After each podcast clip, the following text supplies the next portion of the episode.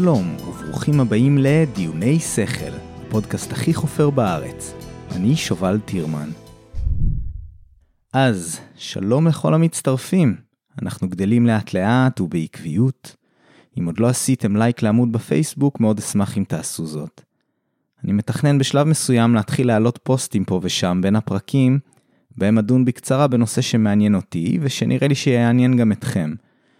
מדובר כמובן על אותה סביבה של נושאים בהם עוסק הפודקאסט, ואני אעלה כל פוסט גם כאודיו, שמי שמעדיף להאזין יוכל לעשות זאת. אז תודה לכל מי שהצטרף, הגיב ושיתף. כמו תמיד, אני שמח לשמוע מה יש לכם להגיד, רעיונות לאורחים או נושאים לפרקים, ואני תמיד עונה, אז תמשיכו בבקשה. היום אני מדבר עם דוקטור שי פליישון. שי הוא האיש מאחורי העמוד והבלוג רדיקל חופשי, בלוג ספקני על מדע, טכנולוגיה ומדיניות. הוא מנהל את מרכז ביו ירושלים, לפיתוח עסקי של תעשיית מדעי החיים בעיר. לפני כן הוא לקח חלק בתוכנית ממשק של האגודה הישראלית לאקולוגיה ומדעי הסביבה, אשר מציבה חוקרים ומדענים כיועצים מדעיים במשרדי המדינה. את הדוקטורט שלו בביולוגיה מולקולרית הוא קיבל ממכון ויצמן. שי ואני דיברנו על המסלול שלו, עבודתו במשרד הכלכלה ובמרכז ביו ירושלים, על פעילותו בתחום ההסברה של הנדסה גנטית, ועל החשיבות של כל אלו. דיברנו על שניים מהרעיונות המקוריים ששי העלה לאחרונה בבלוג שלו. הראשון, על הקשרים בין האקדמיה לתעשייה, והיתרונות והחסרונות של העמקת הקשר הזה וטשטוש הגבול. והרעיון השני, לגבי ארגוני הסביבה לדורותיהם, על הבעיות בגישה הנוכחית שלהם, והצעה לגישה חדשה להתמודדות עם האתגרים הסביבתיים שעומדים בפנינו. לקינוח דיברנו קצת על קנאביס וסרטן, כי למה לא? אתם מוזמנים לעקוב אחרי רדיקל חופשי בפייסבוק, כדי להתעדכן בהגיגים של שי על הנושאים האלו ואחרים. אני נמצא עם דוקטור שי פליישון. אכן, אכן. אז מה נשמע? בסדר גמור, מה שלומך? בסדר. אמ, שי, לך יש בלוג שנקרא רדיקל חופשי.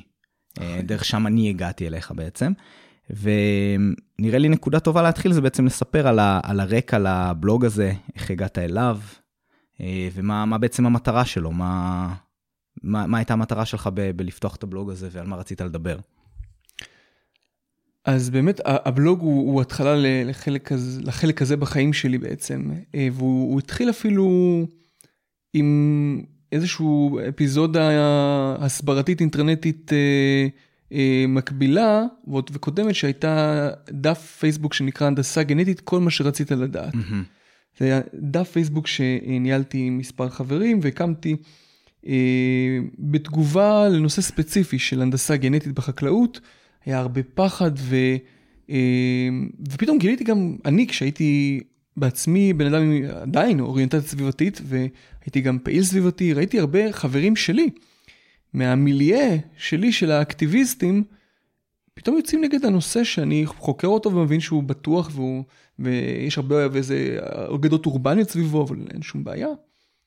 פתאום ראיתי שהם אה, מאוד מאוד מתנגדים ומאוד מאוד תוקפניים וגם התחילו למתג אותי בתור מישהו שעובד עם הרעים כביכול. כן, אני, מה שיוצא לי לראות זה שפשוט זה, זה איזשהו סימפטום ש, של, אתה יודע, ליפול לתוך איזשהו מחנה, והרבה פעמים פשוט המחנה של הטבעי נוטה ללכת למקומות כאלה שהם פשוט, uh, um, lack of another word, אנטי-מדעיים בעצם. לחלוטין. אז uh, עם כל הסנטימנט החיובי שאולי בחלק מזה, כן? כאילו, זה יכול להוביל להרבה מקומות טובים, אבל צריך לשים לב ולהישאר מחוברים למציאות לפחות. בהתחלה של הדרך הייתה לי קצת, היה בעיה כי בעצם uh, הייתי מדען והתחלתי לנסות להסביר להם, ו... כל הזמן, הם פשוט אמרו, חברים שלי פשוט אמרו לי, פשוט, אתה נשמע לי יותר גרוע. מה שאתה מספר, כי, כי לא ידעתי בעצם איך להעביר את המסר. ו, mm-hmm. ולאט לאט התחלתי להתמקצע ולהבין איך מעבירים את המסר בצורה נכונה, וגם על האחריות הענקית הזאת של להעביר את המסר ו, אה, ולהסביר מסר מדעי בצורה נכונה. ולאחר מכן גם התחלנו לעבוד עם אה, שתי חברות כנסת שעסקו בנושא. אה, בעיקר מיכל רוזין ממרץ, היא גם אחרי זה המשיכה את זה, מהמם. שהיא, אה, בהתחלה הם עבדו נגד הנדסה גנטית, כי הם ראו בזה בעיה שאולי צריך להזהיר את הציבור פשוט ממנה. הם רצו ל- ל- להכריח תיוג בחוק. מוצרים כאלה, בדיוק. יש את זה המון בארצות הברית, את הטרנד הזה, זה... עבדנו איתם הרבה, אה, בייחוד עם מיכל וגילינו, אני לפחות גיליתי שם אישה מדהימה שפשוט באה ולא מקטע פופוליסטי, היא פשוט רצתה להבין והיא לא, גם לא הסכימה לקבל את התשובה הזו של אתה מדען וסבבה, אלא היא ביקשה להבין בעצמה והיא העמיקה ובסוף כמובן משכה את הצעת החוק ואפילו הגישה אה, שאילתה אה, בעזרתנו לשר החקלאות אורי אריאל. אה, ששאל למה בעצם יש רגולציה רק על הנדסה גנטית ולא על שאר שיטות הטיפוח שהן כולן אותו דבר. כן. האמת היא, טוב, אני מרגיש שאני יודע קצת על הנושא הזה, אבל יהיה מעניין להגיד, ו- ותקן אותי אם אני טועה, כי בעצם, כשמדובר על הנדסה גנטית, בעצם נכנס תחת, ה- תחת האמברלה הזה, אה, בעצם טכניקות שהן מאוד אה, אה, מוכוונות, נגיד לגן מאוד מסוים, או דברים בסגנון הזה, לשנות גן מסוים, להוציא גן מסוים, להכניס גן חדש, דברים שהם ממש ממש מדויקים.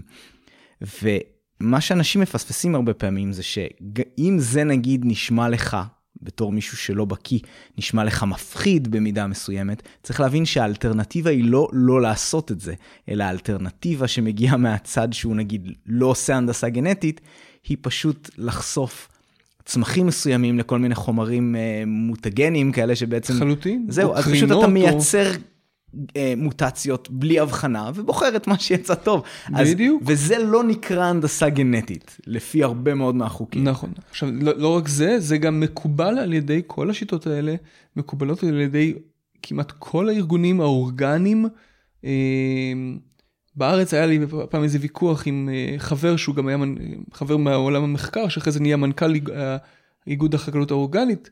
אה, באמת בארץ היה פה איזה דיון, אבל בארצות הברית ובחו"ל, כל הקרינות וכל המוטגנזות והכל נחשב אורגני.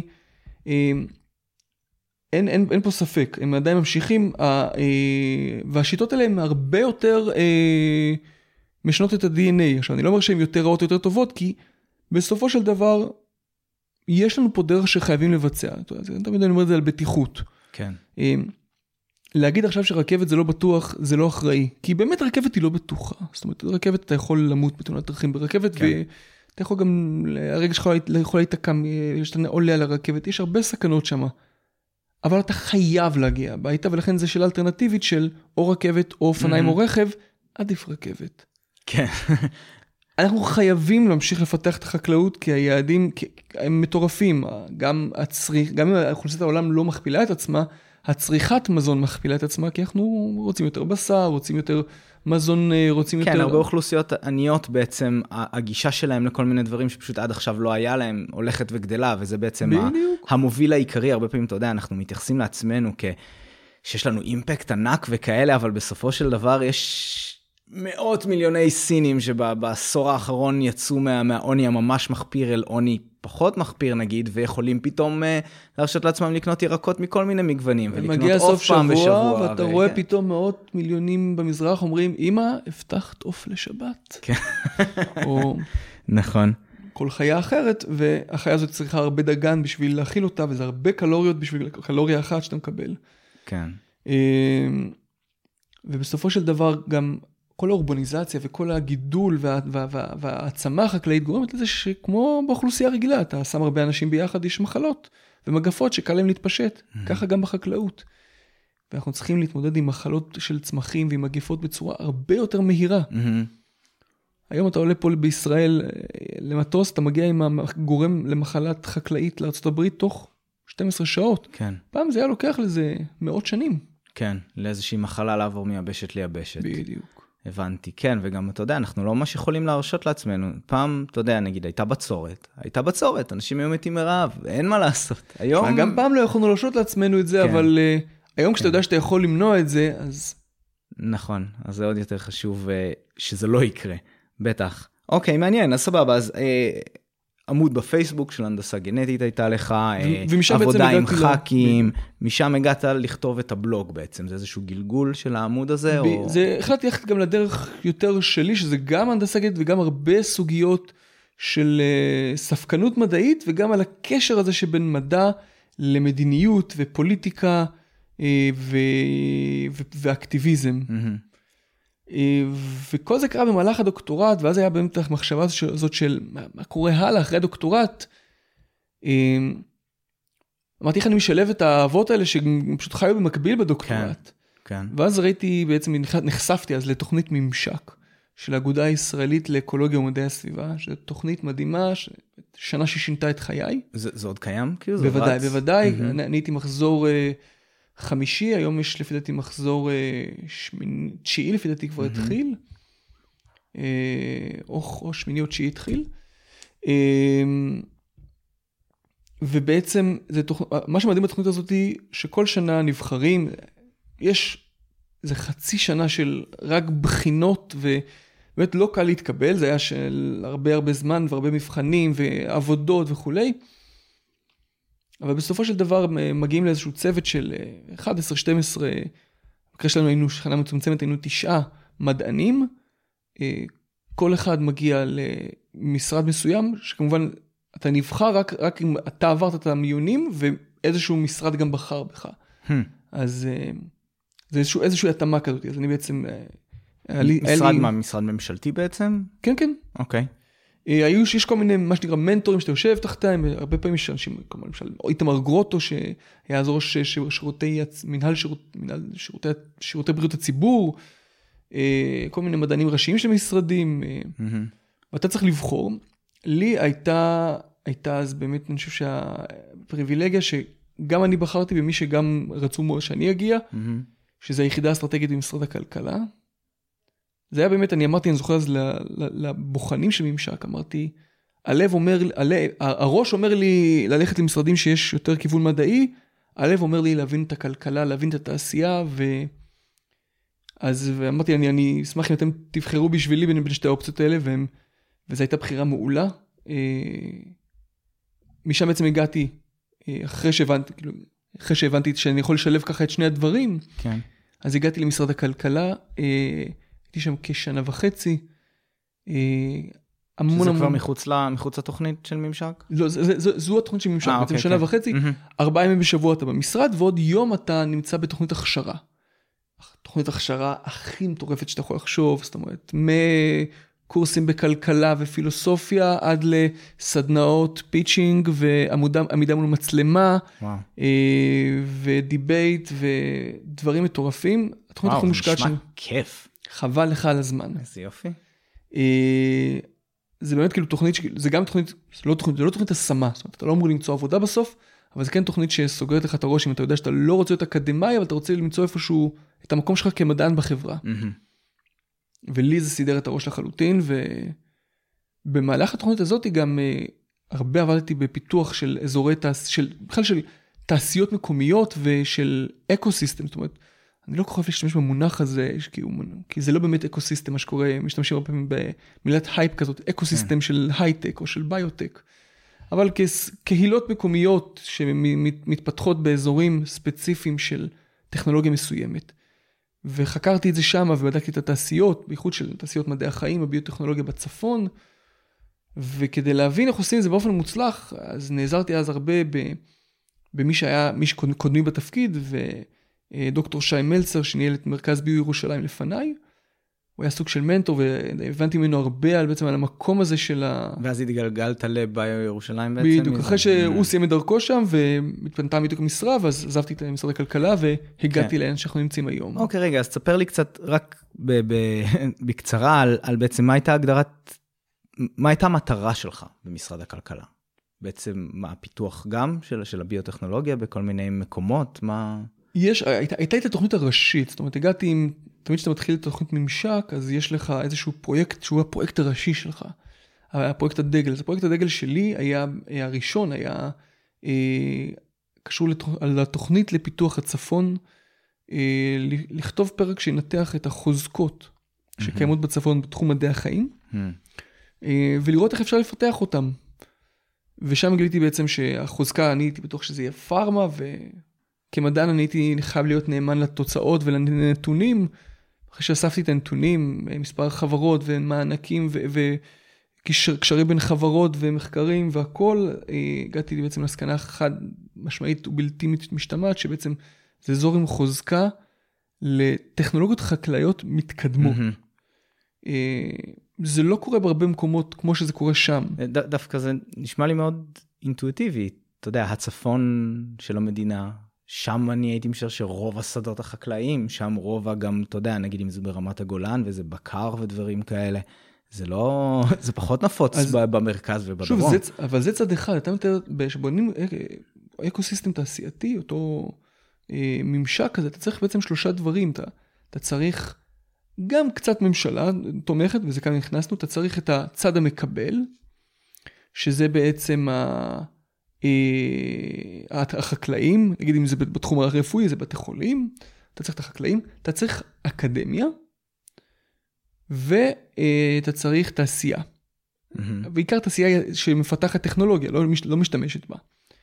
שמפתחת לצד שמקבל. אז גיליתי שם באמת אה, בגופי המחקר שם, גם בתל חי וגם במיגל, רמה אקדמית שהפתיעה אותי, אתה יודע, אני הגעתי מוויצמן עם פוזה מפה ועד הודעה חדשה של מי mm-hmm. אתם, וגיליתי בטיזילוך בקריית שמונה מרכז עם עוצמת מחקר אה, מאוד מאוד יישומית, אנחנו נגיד, ניגע בזה עוד מעט, כי אני חושב שזה כן מקומם להיות מאוד יישומיים בשביל מקומות כמו מיגל.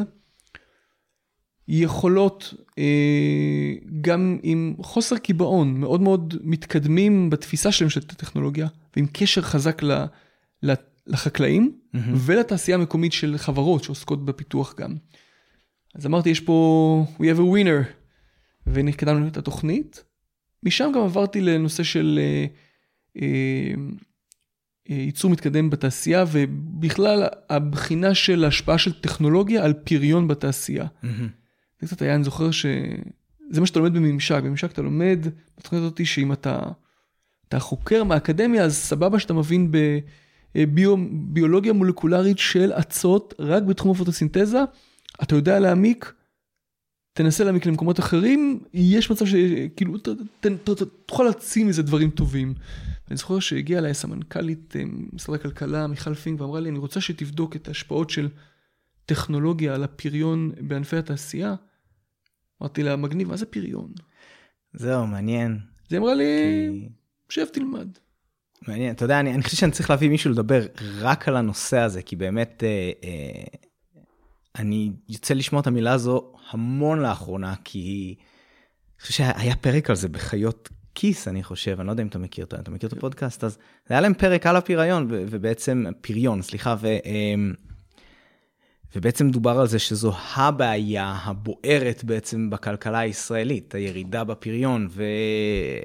ובאמת ראוי להקדיש לזה זמן ולדבר על זה, ובטח ובטח לדבר על הנושא של אה, הקשר של טכנולוגיה.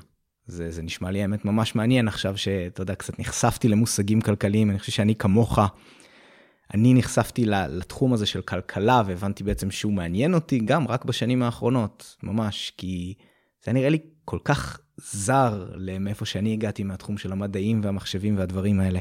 אבל זה מעניין, ומעבר לזה שזה מעניין, אשכרה נראה לי שלכמעט כל בן אדם ימצא משהו שם שמעניין אותו, מתחבר למשהו אחר שהוא אוהב. אז, אה, אז בטח, יחי הידע בכלכלה.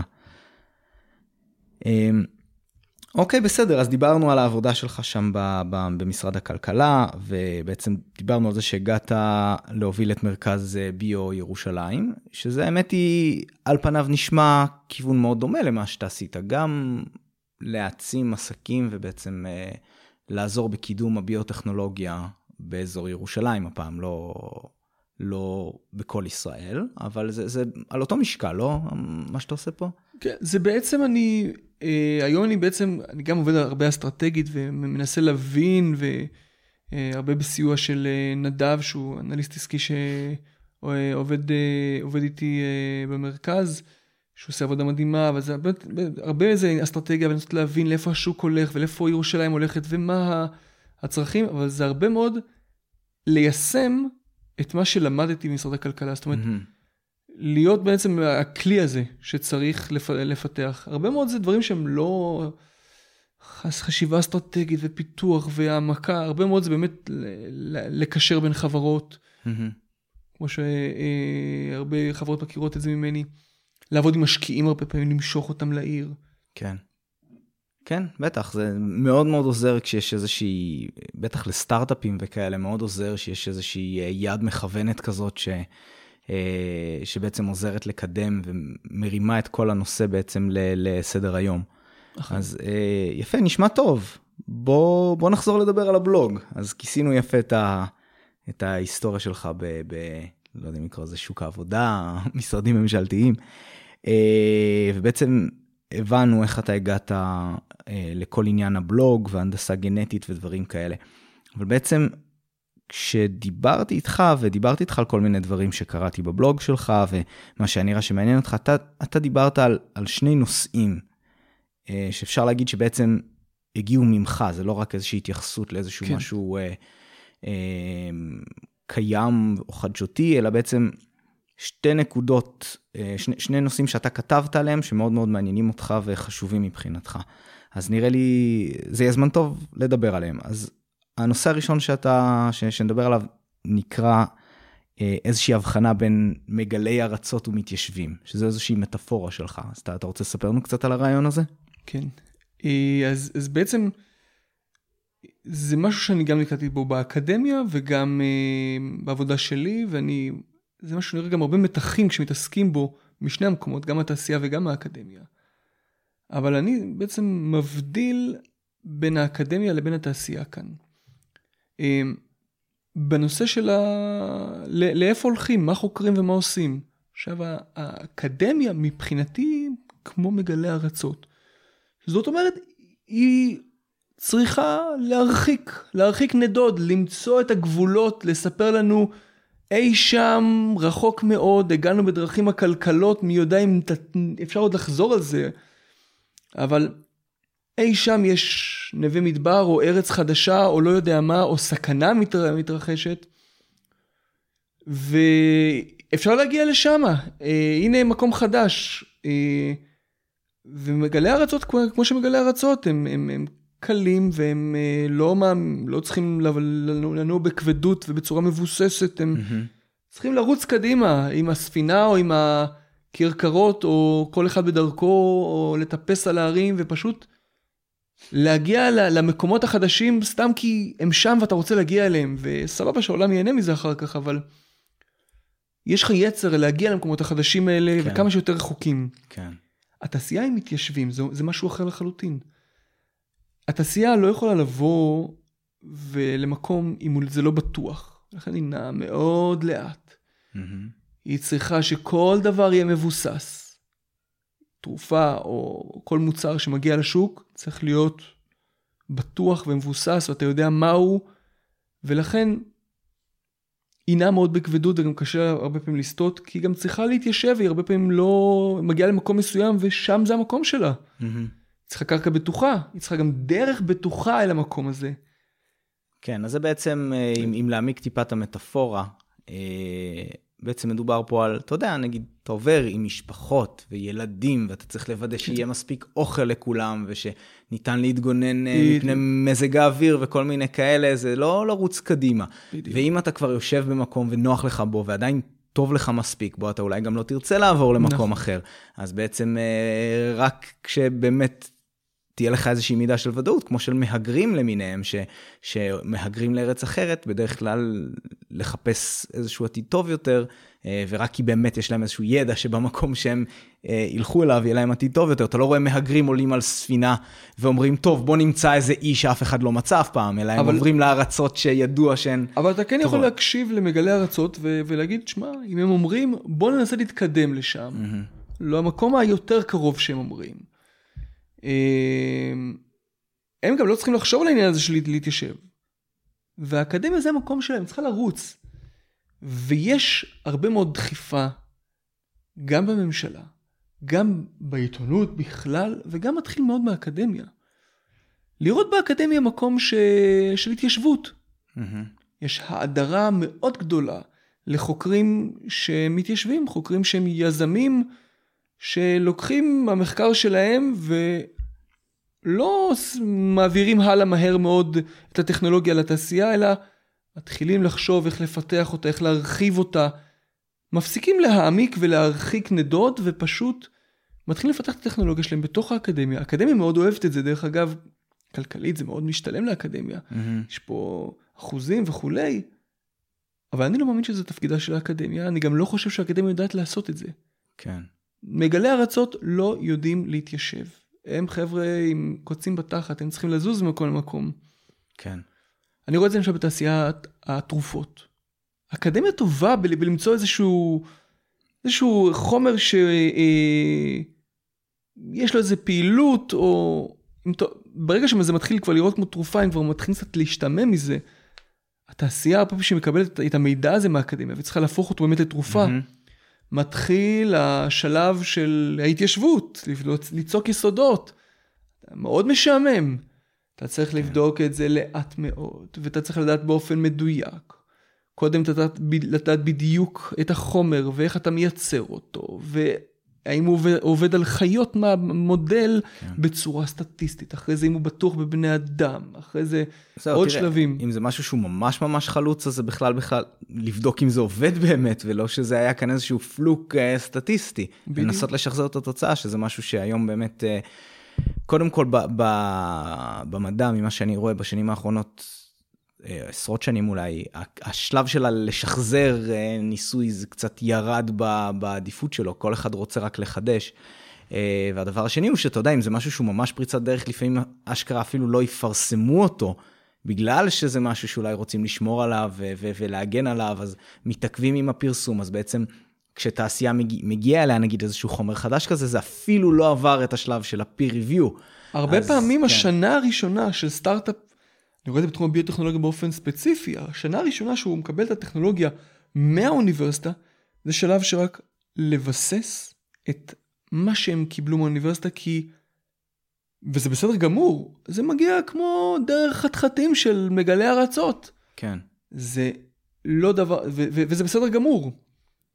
הבעיה היא שאם חוקרים באקדמיה מתחילים יותר מדי לשחק בלהיות יזמים, אז זה בדיוק כמו שמגלי ארצות אה, משחקים בלהיות מתיישבים. הם בונים חרא של בתים, mm-hmm. וגם אנחנו כבר, אם תהיה בעיה במקום הזה, לא נדע לאיפה לנדוד. המקום שלהם הוא להגיד לנו מה הלאה, לא מה עכשיו. כן. כן, גם בעצם אה, אני כבר רואה איך כזה דבר יכול להתגלגל, כי בעצם זה משנה את, ה, את הסטנדרט, זה, זה משנה את הרף, בעצם זה יכול לייצר מצב שבו חוקר מסוים שלא מעוניין להיכנס אה, ולשחק אה, עם, ה, עם התעשייה ועם ה, אה, עם היזמות. יכול להיות שהוא כבר פחות משתלם לאוניברסיטה להעסיק בכלל מישהו כזה. מראש אולי ילכו על מישהו שיש לו יותר כיוון בדיוק, יזמי בנשמה שלו. והוא דווקא זה שהאוניברסיטה צריכה לרדוף אחריו. כן. ואתה רואה הרבה פעמים חוקרים שמרגישים את, ה, את העניין הזה של כאילו, למה אותנו, שאנחנו ה... המדענים הטהורים, עושים מדע טהור וזה, זה כבר, כבר נחשב כאילו קצת להיות מילת גנאי של אוי, הטרחנים שעושים אה, מדע טהור ו, ו, ומנסים רק uh, להבין משהו לשם ההבנה שלו. כן. זה הרבה פעמים, um, הרבה פעמים זה פשוט בא בעוכריה של האוניברסיטה. עכשיו האוניברסיטה אני מבין אותה, היא, היא, היא רוצה להתקדם. לפעמים היא רוצה לי... מקורות מימון מקורות גם מקורות מימון, כן. בוודאי. אנחנו, אנחנו רואים את זה לא רק גם אצל החוקרים, אנחנו רואים את זה בדבר שהוא, אין לי בעיה אפילו להתבטא בנח, בנחרצות ולהיות חריף לגביו, וזה המש... הניסיון למשוך סטודנטים. ואני רואה את זה המון בתחומי הביוטכנולוגיה, כל ההמצאות, הנדסת ביוטכנולוגיה, הנד... אה, ביוטכנולוגיה. אתה מדבר על שמות למסלולים ותארים כל כאלה? כל השמות שאני אני אומר שוב, אני אומר תפקידי, שתפקידי היום להיות בקשר בין ה... אה, תעשייה ואקדמיה הרבה פעמים, ואני יכול להגיד לכל מי שחושב פה ללמוד ביולוגיה, כל תואר ביולוגיה הוא אותו תואר, אין, כל השמות האלה, עזבו אתכם.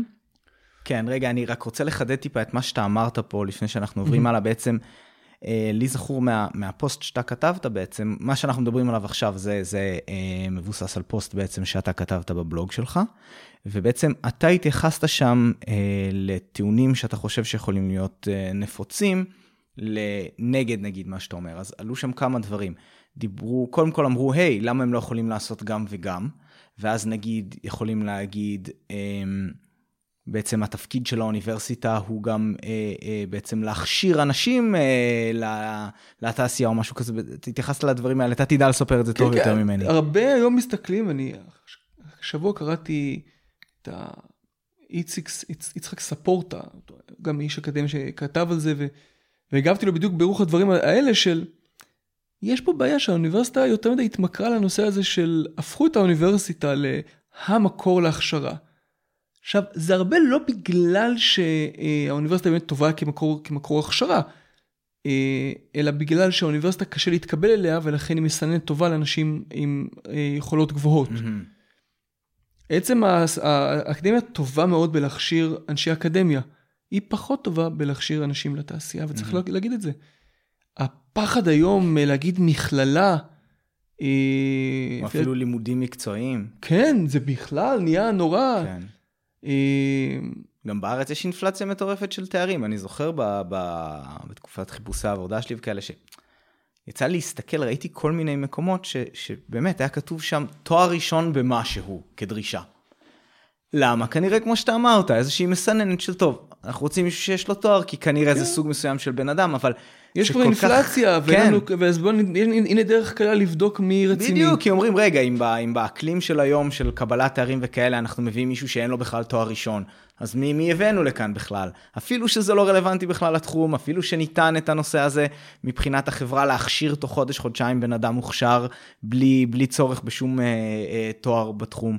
אז אה, כן, זה מדהים, ואני, בעיניי... ושוב, כן. אני, אני, הבעיה כאן מבחינתי היא... סבבה שיש פה את המסננת הזאתי, אבל האקדמיה פה חוטאה לת... לתפקודה. והיא גם הרבה פעמים, כל הכבוד, מביאה אנשים שזה לא מקומם, אנשי מחקר באקדמיה, לא טובים בלהכשיר אנשי תעשייה ואנשי אה, אנשי, אנשים יישומיים. אה, והרבה פעמים זה פשוט מה שגורם הרבה פעמים לפערים מסוימים. כן. אני חושב שגם זה דבר שבכלל היום קשה לדבר, הס מלהזכיר שוואלה, אולי לא חייבים בשביל להעביר את רוב התואר, את רובו המוחלט, לא חייבים פרופסור. אפילו הרבה פעמים, אפילו אם, אם אין איזו אינטראקציה עם הקהל, אפילו איזה מרצה עם יכולת משחק בינונית אה, יוכל להעביר את המידע, או מישהו יודע להעביר מסר מדעי. אני, אני בעיניי זה הרבה יותר פשוט מזה, אתה יודע, די, אנחנו נמצאים בעולם עם טכנולוגיה. הרבה מאוד מהדברים לא צריך להגיע פיזית. נכון. אוקיי, לתרגולים, מעבדות, דברים בסגנון הזה, גם יש חשיבות לאינטראקציה אנושית, כן, בוא לא נבטל את זה לגמרי, אבל אני יכול להגיד לך שבתואר הראשון שלי, על הרבה הרצאות הייתי מוותר, והולך רק לתרגולים ומשלים מאיפשהו, כי פשוט לא, לא, לא הייתי מצליח לשבת שם מול מישהו שהוראה זה לא המקצוע העיקרי שלו, והוא לא בהכרח טוב בזה, והוא במשך שעתיים אה, מדבר ונודד לכל מיני מקומות וקשה לעקוב אחריו. מבחינתי, אם היה לי את ההרצאות האלה בווידאו, והיום אני בטוח שזה נגיש יותר מאשר בתקופתי. הייתי מעדיף לראות את זה בזמן שלי. אולי אם הוא מדבר לאט מדי, אני יכול לעשות שהוא ידבר ב-25% יותר uh, בקצב. עכשיו, יגידו לך באמת, יגידו לך, תשמע, זה לא מתאים לכולם, אבל זה נכון, אבל אם נחזור לנקודה עצמה, גם אם אנחנו הולכים להחצות הפרונטליות, זה לא מקומה של האקדמיה להכשיר את השוק. האם זה ככה בעולם? יכול מאוד להיות, אבל uh, גם... הייתי אומר שפחות. אובייקטיבית פחות, נטו בגלל אה, אינפלציית התארים פה. לחלוטין, אבל בסופו של דבר, ודרך אגב אני רואה בתחום שאני מגיע ממנו, תחום הביוטכנולוגיה, אני רואה הרבה פעמים את ההפוך, שאומרים, טוב, אני רוצה כבר תואר שני, ואולי אפילו שלישי, בשביל עבודות שפעם היה צריך בשבילם תואר ראשון. אתה מקבל אנשים שכבר התקבעה המחשבה שלהם למחשבה שהיא יותר אקדמית, וקשה להם לחשוב בצורה יישומית ויותר פתוחה. Mm. הרבה פעמים זה פשוט שיפט שהם צריכים לעשות ולשבור את המחסומים האלה כשהם מגיעים לתעשייה. כן. וזה זה, זה, זה פשוט הרבה פעמים נובע, ואתה רואה את זה גם בפרסומים שלנו לאקדמיה, שמנסים למשוך עוד ועוד סטודנטים לעוד ועוד תארים, וזה מתחיל להיות מחול מטורף כזה של, של, של מג... איזשהו מעגל עם איזון חיובי חוזר, כן. שמביא לזה ש, שאף אחד פשוט לא בא ואומר, חברים, אולי לא, אולי פשוט יש לנו, אולי אנחנו כחברה נתמכרנו ל, ל, ל, ל, לתעודה הזאת של האקדמיה, אבל אם, כן. היא, לא, היא לא חובה. צריך לזכור גם, אתה יודע, שלא יצא שאנחנו נגד, אה, אתה יודע, השכלה לצורך לא, לא, העניין. בוא. פשוט צריך לזכור, אתה יודע, הזכרנו פה נגיד את עניין הפריון, ואני לא יודע מה, מה, מה המחקרים על הנושא מראים, אבל צריך לזכור שיש לזה מחיר, אוקיי? כשבן אדם הולך ו- ולומד במשך שלוש שנים, והרבה מאוד סטודנטים לא עובדים תוך כדי, או רק עובדים באיזשהם עבודות צדדיות, זה שלוש שנים שבמידה מסוימת הלכו לאיבוד, בטח אם יש אלטרנטיבה לשלוש שנים האלה, כן?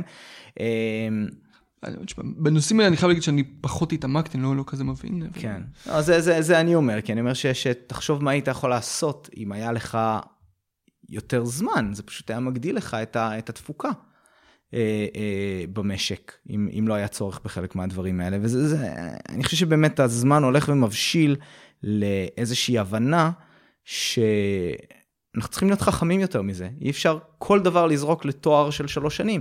גם אם זה אומר מבחינתי אפילו, וזה כבר אני מכניס קצת דברים משלי, אה, איזה שהם תוכניות של לימודי ערב למיניהם, שניתן לעבוד תוך כדי והן יותר, יותר sustainable. בעיניי זה גם יתרום קצת יותר לשוויון, כי יש אנשים שלא יכולים להרשות לעצמם עכשיו בקושי לעבוד ורק ללמוד שלוש שנים.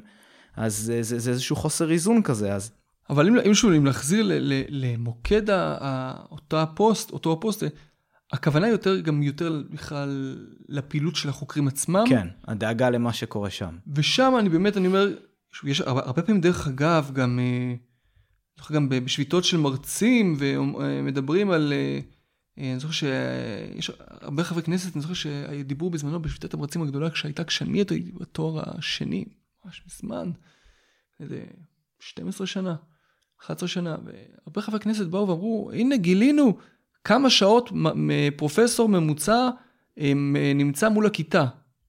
זה לא אמור, לי, כאילו, לא- שיספרו כמה זמן הוא יושב לכתוב הצעות. אה, גרנטים. כאילו. העבודה שלו היא בכלל לא זאת, זה העבודה נכון. שלו היא להיות במעבדה ולפרוץ את גבולות הידע האנושי. כן. זה מה שהוא אמור לעשות.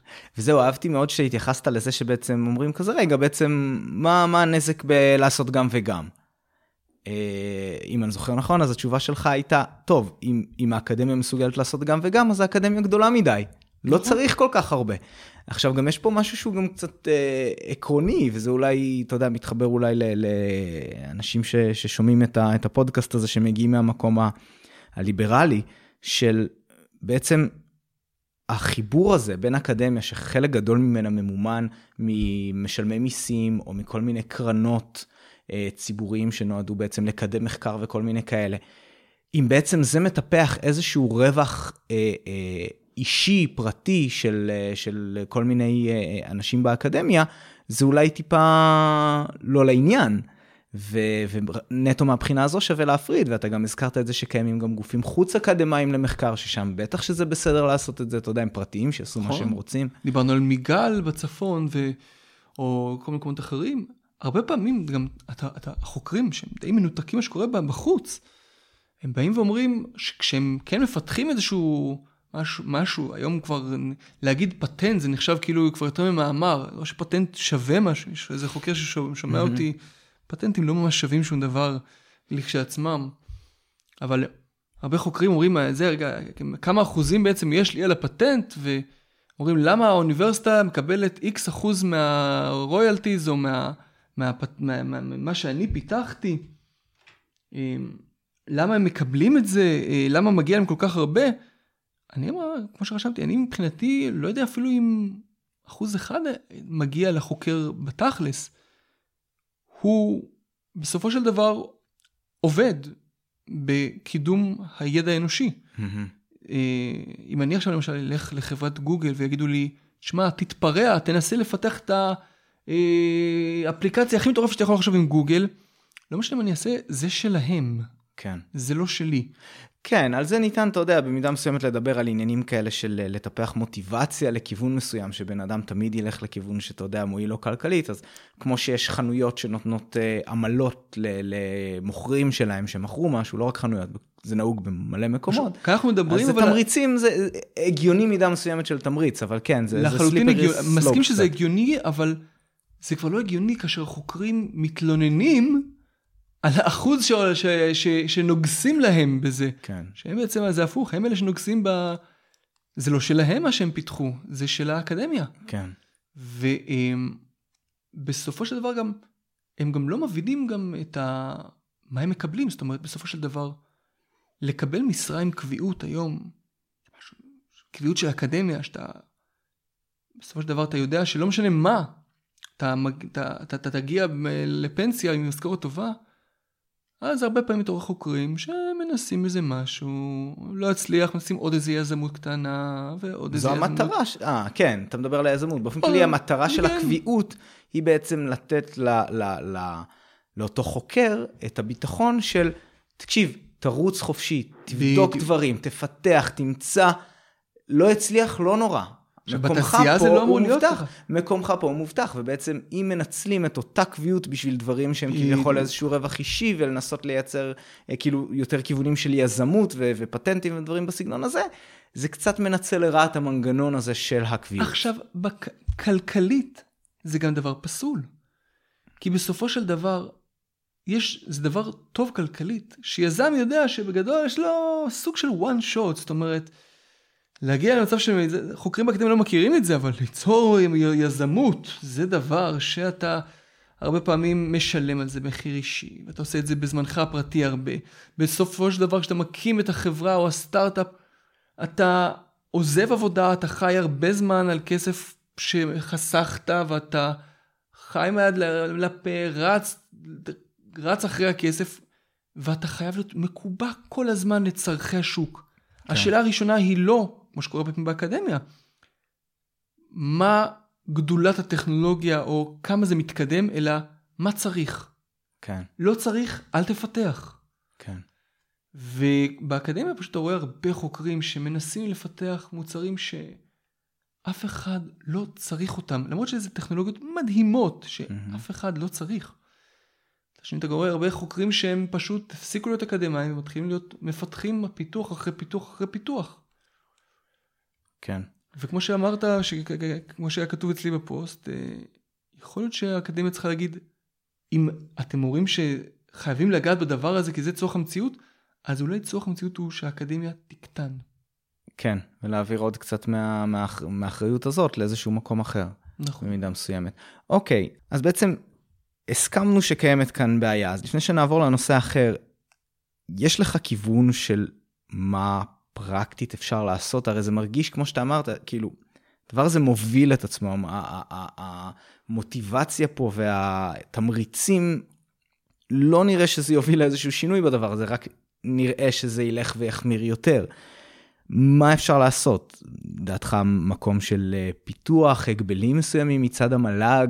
מי יכול לבוא ולהגיד, היי, מה שקורה פה זה לא בסדר? אני חושב שבסופו של דבר, אה, זו שאלה טובה אם יש מישהו שיגיד שזה לא בסדר. יכול להיות שיש פה אינטרס יותר מדי גופים לשמר את המצב הזה, כי זה כן פתרון שהוא כזה לשבור ולהקים מחדש, זה לא נעים הרבה פעמים. אה, וצריך להבין שאנחנו הולכים להיתקע במצב הקיים היום, זה, זה אי אפשר להמשיך ככה. אז אני, בנושא הזה, אני, מטרתי היא פחות להביא איזשהו כיוון פעולה קונקרטי, אלא פשוט להעלות את זה.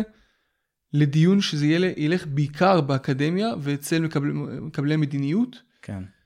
להבין את המקום הזה של יכול להיות שהגזמנו קצת וצריך לחזור טיפה אחורה.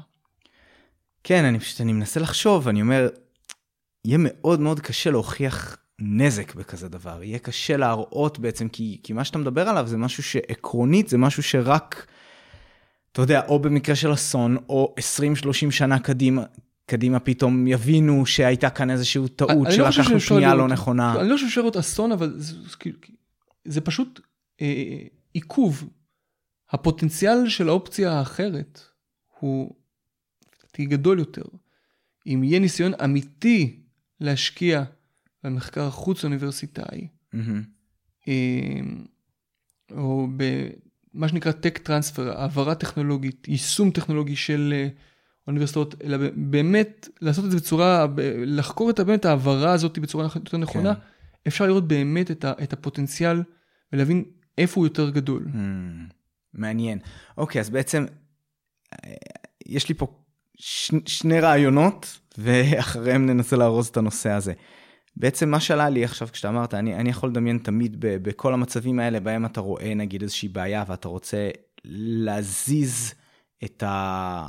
להזיז את ה... נגיד את האקדמיה במקרה הזה לכיוון קצת אחר, תמיד אתה יכול לתת או מקל או גזר. כאילו המקל בהקשר הזה נגיד הייתי יכול לחשוב על הגבלים כלשהם מצד המל"ג, שאומרים נגיד אה, לאוניברסיטה מה הדרך שלה להוציא משהו שפותח באוניברסיטה, חלק בעזרת אה, כספים של משלמי מיסים, מה הדרך הראויה להוציא את זה החוצה לתוך התעשייה, אה, ולמנוע כל מיני אה, אה, אינטראקציות שהן יותר מדי מתערבבות, כמו באמת לה, להשאיר את החוקר מעורב בתור יזם, ועם אחוזים ועם אה, אה, זכויות על הפטנט וכל מיני כאלה, אז אתה יכול לייצר איזה שהם הגבלים, ואז האוניברסיטאות יצטרכו להגיד, טוב, אין מה לעשות, לא מרשים לנו.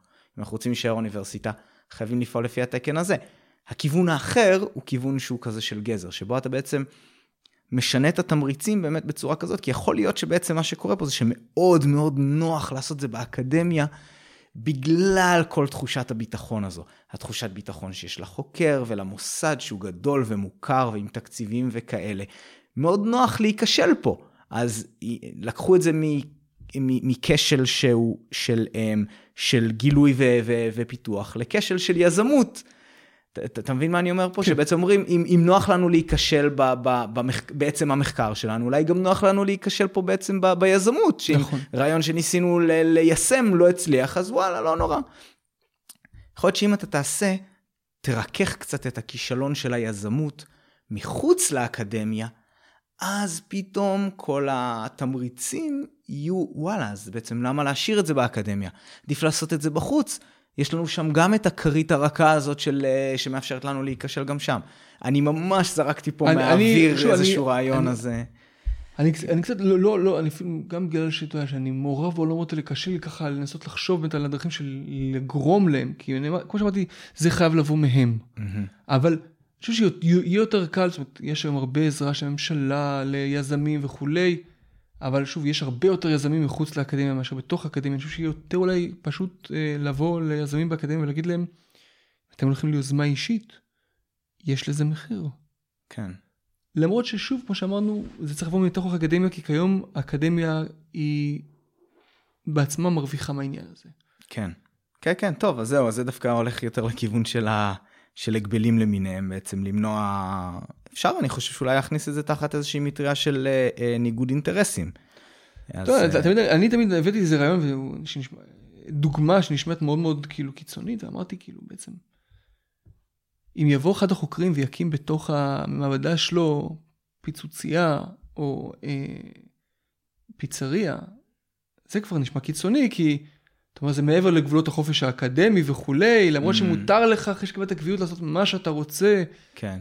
אבל אה, שוב, אני חס וחלילה לא משווה את, היזמ, את המחקר היז, היזמי ל, לעשות, לנטו עסק, אבל יש, שוב, אם, יש אם, חפיפה, אם, כן. אם, אם, אם הייתם מגיעים לנקודה הזאת, כבר הייתם מבינים שזה מוגזם. Mm-hmm.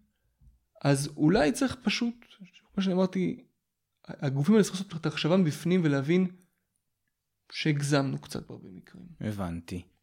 אוקיי, בסדר, טוב, נראה לי אפשר להשאיר את זה בזה.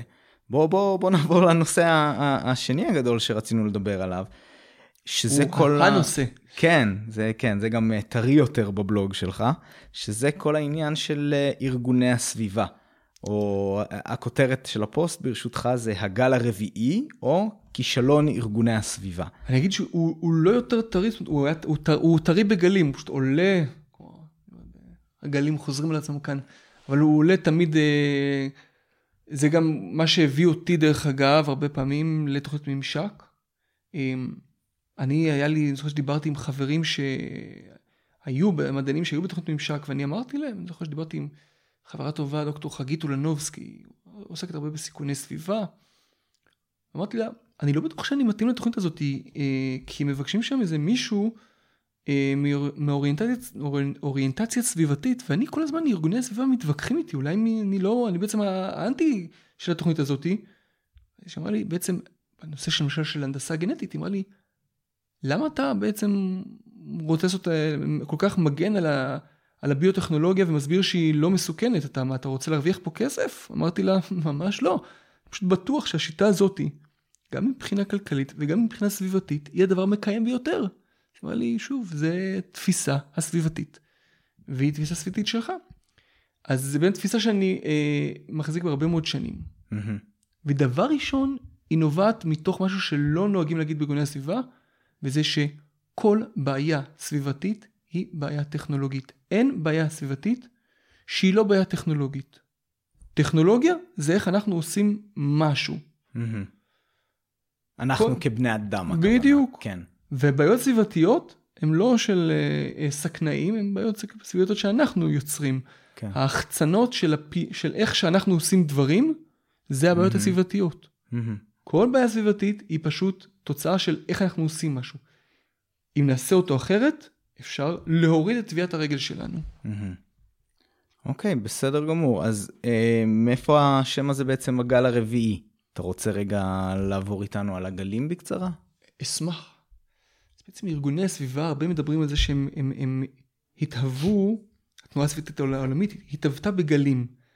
הגל הראשון הוא היה הגל היותר, אה, נקרא לזה טבעי, אבל טבעי במובן באמת של טבעי. זאת אומרת, אם אנחנו מדברים על הסביבה, הסביבה זה כל מה שסובב אותנו, כל מה שנמצא בכדור הארץ. אה, אני רואה את הטבע, אה, אני חושב שאפשר להגדיר אותו בצורה הכי פשוטה, טבע הוא בעצם החלק בסביבה שנמצא במינימום של התערבות אנושית. אין היום אפס התערבות אנושית באף מקום, תמיד איכשהו, גם דרך הזיהום או כלשהו משהו, Mhm. אנחנו תמיד נשפיע בצורה כלשהי על כל מקום בכדור הארץ, אבל אה, האזורים שהם במינימום התערבות אנושית הם הטבע. אז הגל הראשון היה הגל הטבעי, זה הגל שבא ואמר, בוא נדאג לטבע. בוא נשמור דבר ראשון על מה שעוד לא פגענו בו, אל נא תעקור נטוע, אל נא תהרוס את השמורה. אה, אני חושב שהם... בעצם עצם ההגדרה של שמורות, לזה הכוונה בדיוק. בעצם, נכון? אז אני חושב שבעצם לנו כבר היום מאוד מאוד מובן מאליו שיש שמורות טבע, שיש פארקים, אה, אה, בארצות הברית אם זה national parks, דברים בסגנון הזה, מאוד ברור לנו. אלה מקומות שהם אה, מוגנים, שאף אחד לא נוגע. ומי עכשיו- ש... שדחף את הארגונים האלה, זה הגל הראשון. נגיד בארץ, כן. החברה להגנת הטבע, זה הגל הראשון, לשמור על הטבע. כן, אז בעצם, אתה יודע, שוב, לנו זה מאוד מאוד טבעי, אבל עד לפני, לא יודע, בטח כמה עשרות שנים, אולי מאה שנה, לא היה את הקונספט הזה. היה מקומות, ואם מישהו בא וקנה שטח או עבר לגור בשטח, זה הכל היה פייר פליי, לא אמרו פה אסור. ו, ובעצם עצם ההגדרה הזאת של לא, פה אסור להתיישב, זה טבע, זה לא לכם. עצם זה, זה החשיבה החדשנית שהביא הגל ושוב, הראשון. זה לא רק בשביל לשמור על המשהו היפה הזה. יש לנו אינטרס גדול בזה שאנחנו לא נפגע בטבע, כי בסופו של דבר אם אתה תפגע בטבע, הוא יפגע בך חזרה, אנחנו, בצורה שאנחנו לא יכולים לשער אותה. אתה, אה, סתם אני זורק, זורק דוגמה, אתה תפגע במקורות מים טבעיים ות, עם, עם אה, סתם דוגמה שנגיד קרתה הרבה במזרח, אני מכיר את זה הרבה מחקרים בסין, ותזרוק את הפסולת החנקנית מהחקלאות אה, למקורות המים, אז יתרבו בהם אצות אה, אה, בקצב לא פרופורציונלי ויסתמו אותם, ובסופו של דבר זה מביא, אה, הרבה פעמים מביא להצפות ולבעיות אפילו של אספקת מים Mm. אה, בהרבה מקומות. אנחנו לא יכולים לשער את התגובת נגד של הסביבה, ועדיף לנו פשוט להימנע מהתגובת נגד הזאתי, כי אנחנו לא יודעים איך, איך, איך מהמם. מה היא תהיה. כן, איזשהו, איזשהו עיקרון של זהירות. אז זה הגל אוקיי. הראשון, הגל מאוד פשוט, הגל הטבעי, הנטורליסטי. מהמם. הגל השני, זה כבר גל יותר מעמיק, זה גל שבא ואומר, כמו שאמרתי, דיברתי על הסביבה, זה גל שאומר, הסביבה זה כל מה שסובב אותנו, ארגוני סביבה צריכים להילחם על פגיעה שקיימת בכל מה שסובב אותנו. גם אם זה אה, אה, ב, בים ו, או בשמורות הטבע, וגם אם זה בעיר או בפעולות שלנו, ש, שאנחנו מבצעים כ- באופן הכרחי. אה, התנועה אני חושב שהכי אה, בולטת ב- בארגונים ש... של הגל השני זה גרין פיס. אוקיי, והישגים משמעותיים נגיד. הישגים משמעותיים, למשל הרבה מאוד מההפחדה בנושא של אנרגיה גרעינית. הם הרבה מאוד מה- מה- מהמלחמה בנש- בנשק גרעיני, הם חתומים על הרבה מתוך זה.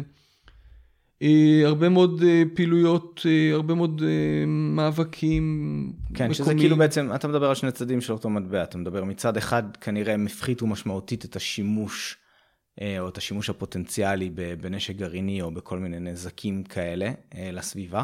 מצד שני הם במידה מסוימת הלכו רחוק מדי עם כל מה שנוגע לאנרגיה גרעינית. נכון. אוקיי, אה, בנוסף תגיד לי העניין הזה שלה להוציא עופרת מהדלק, זה עוד הגל הזה או שזה כבר... לא, לא, לא כל כך מכיר. אוקיי, כי זהו, אני זכרתי, אני חושב ש...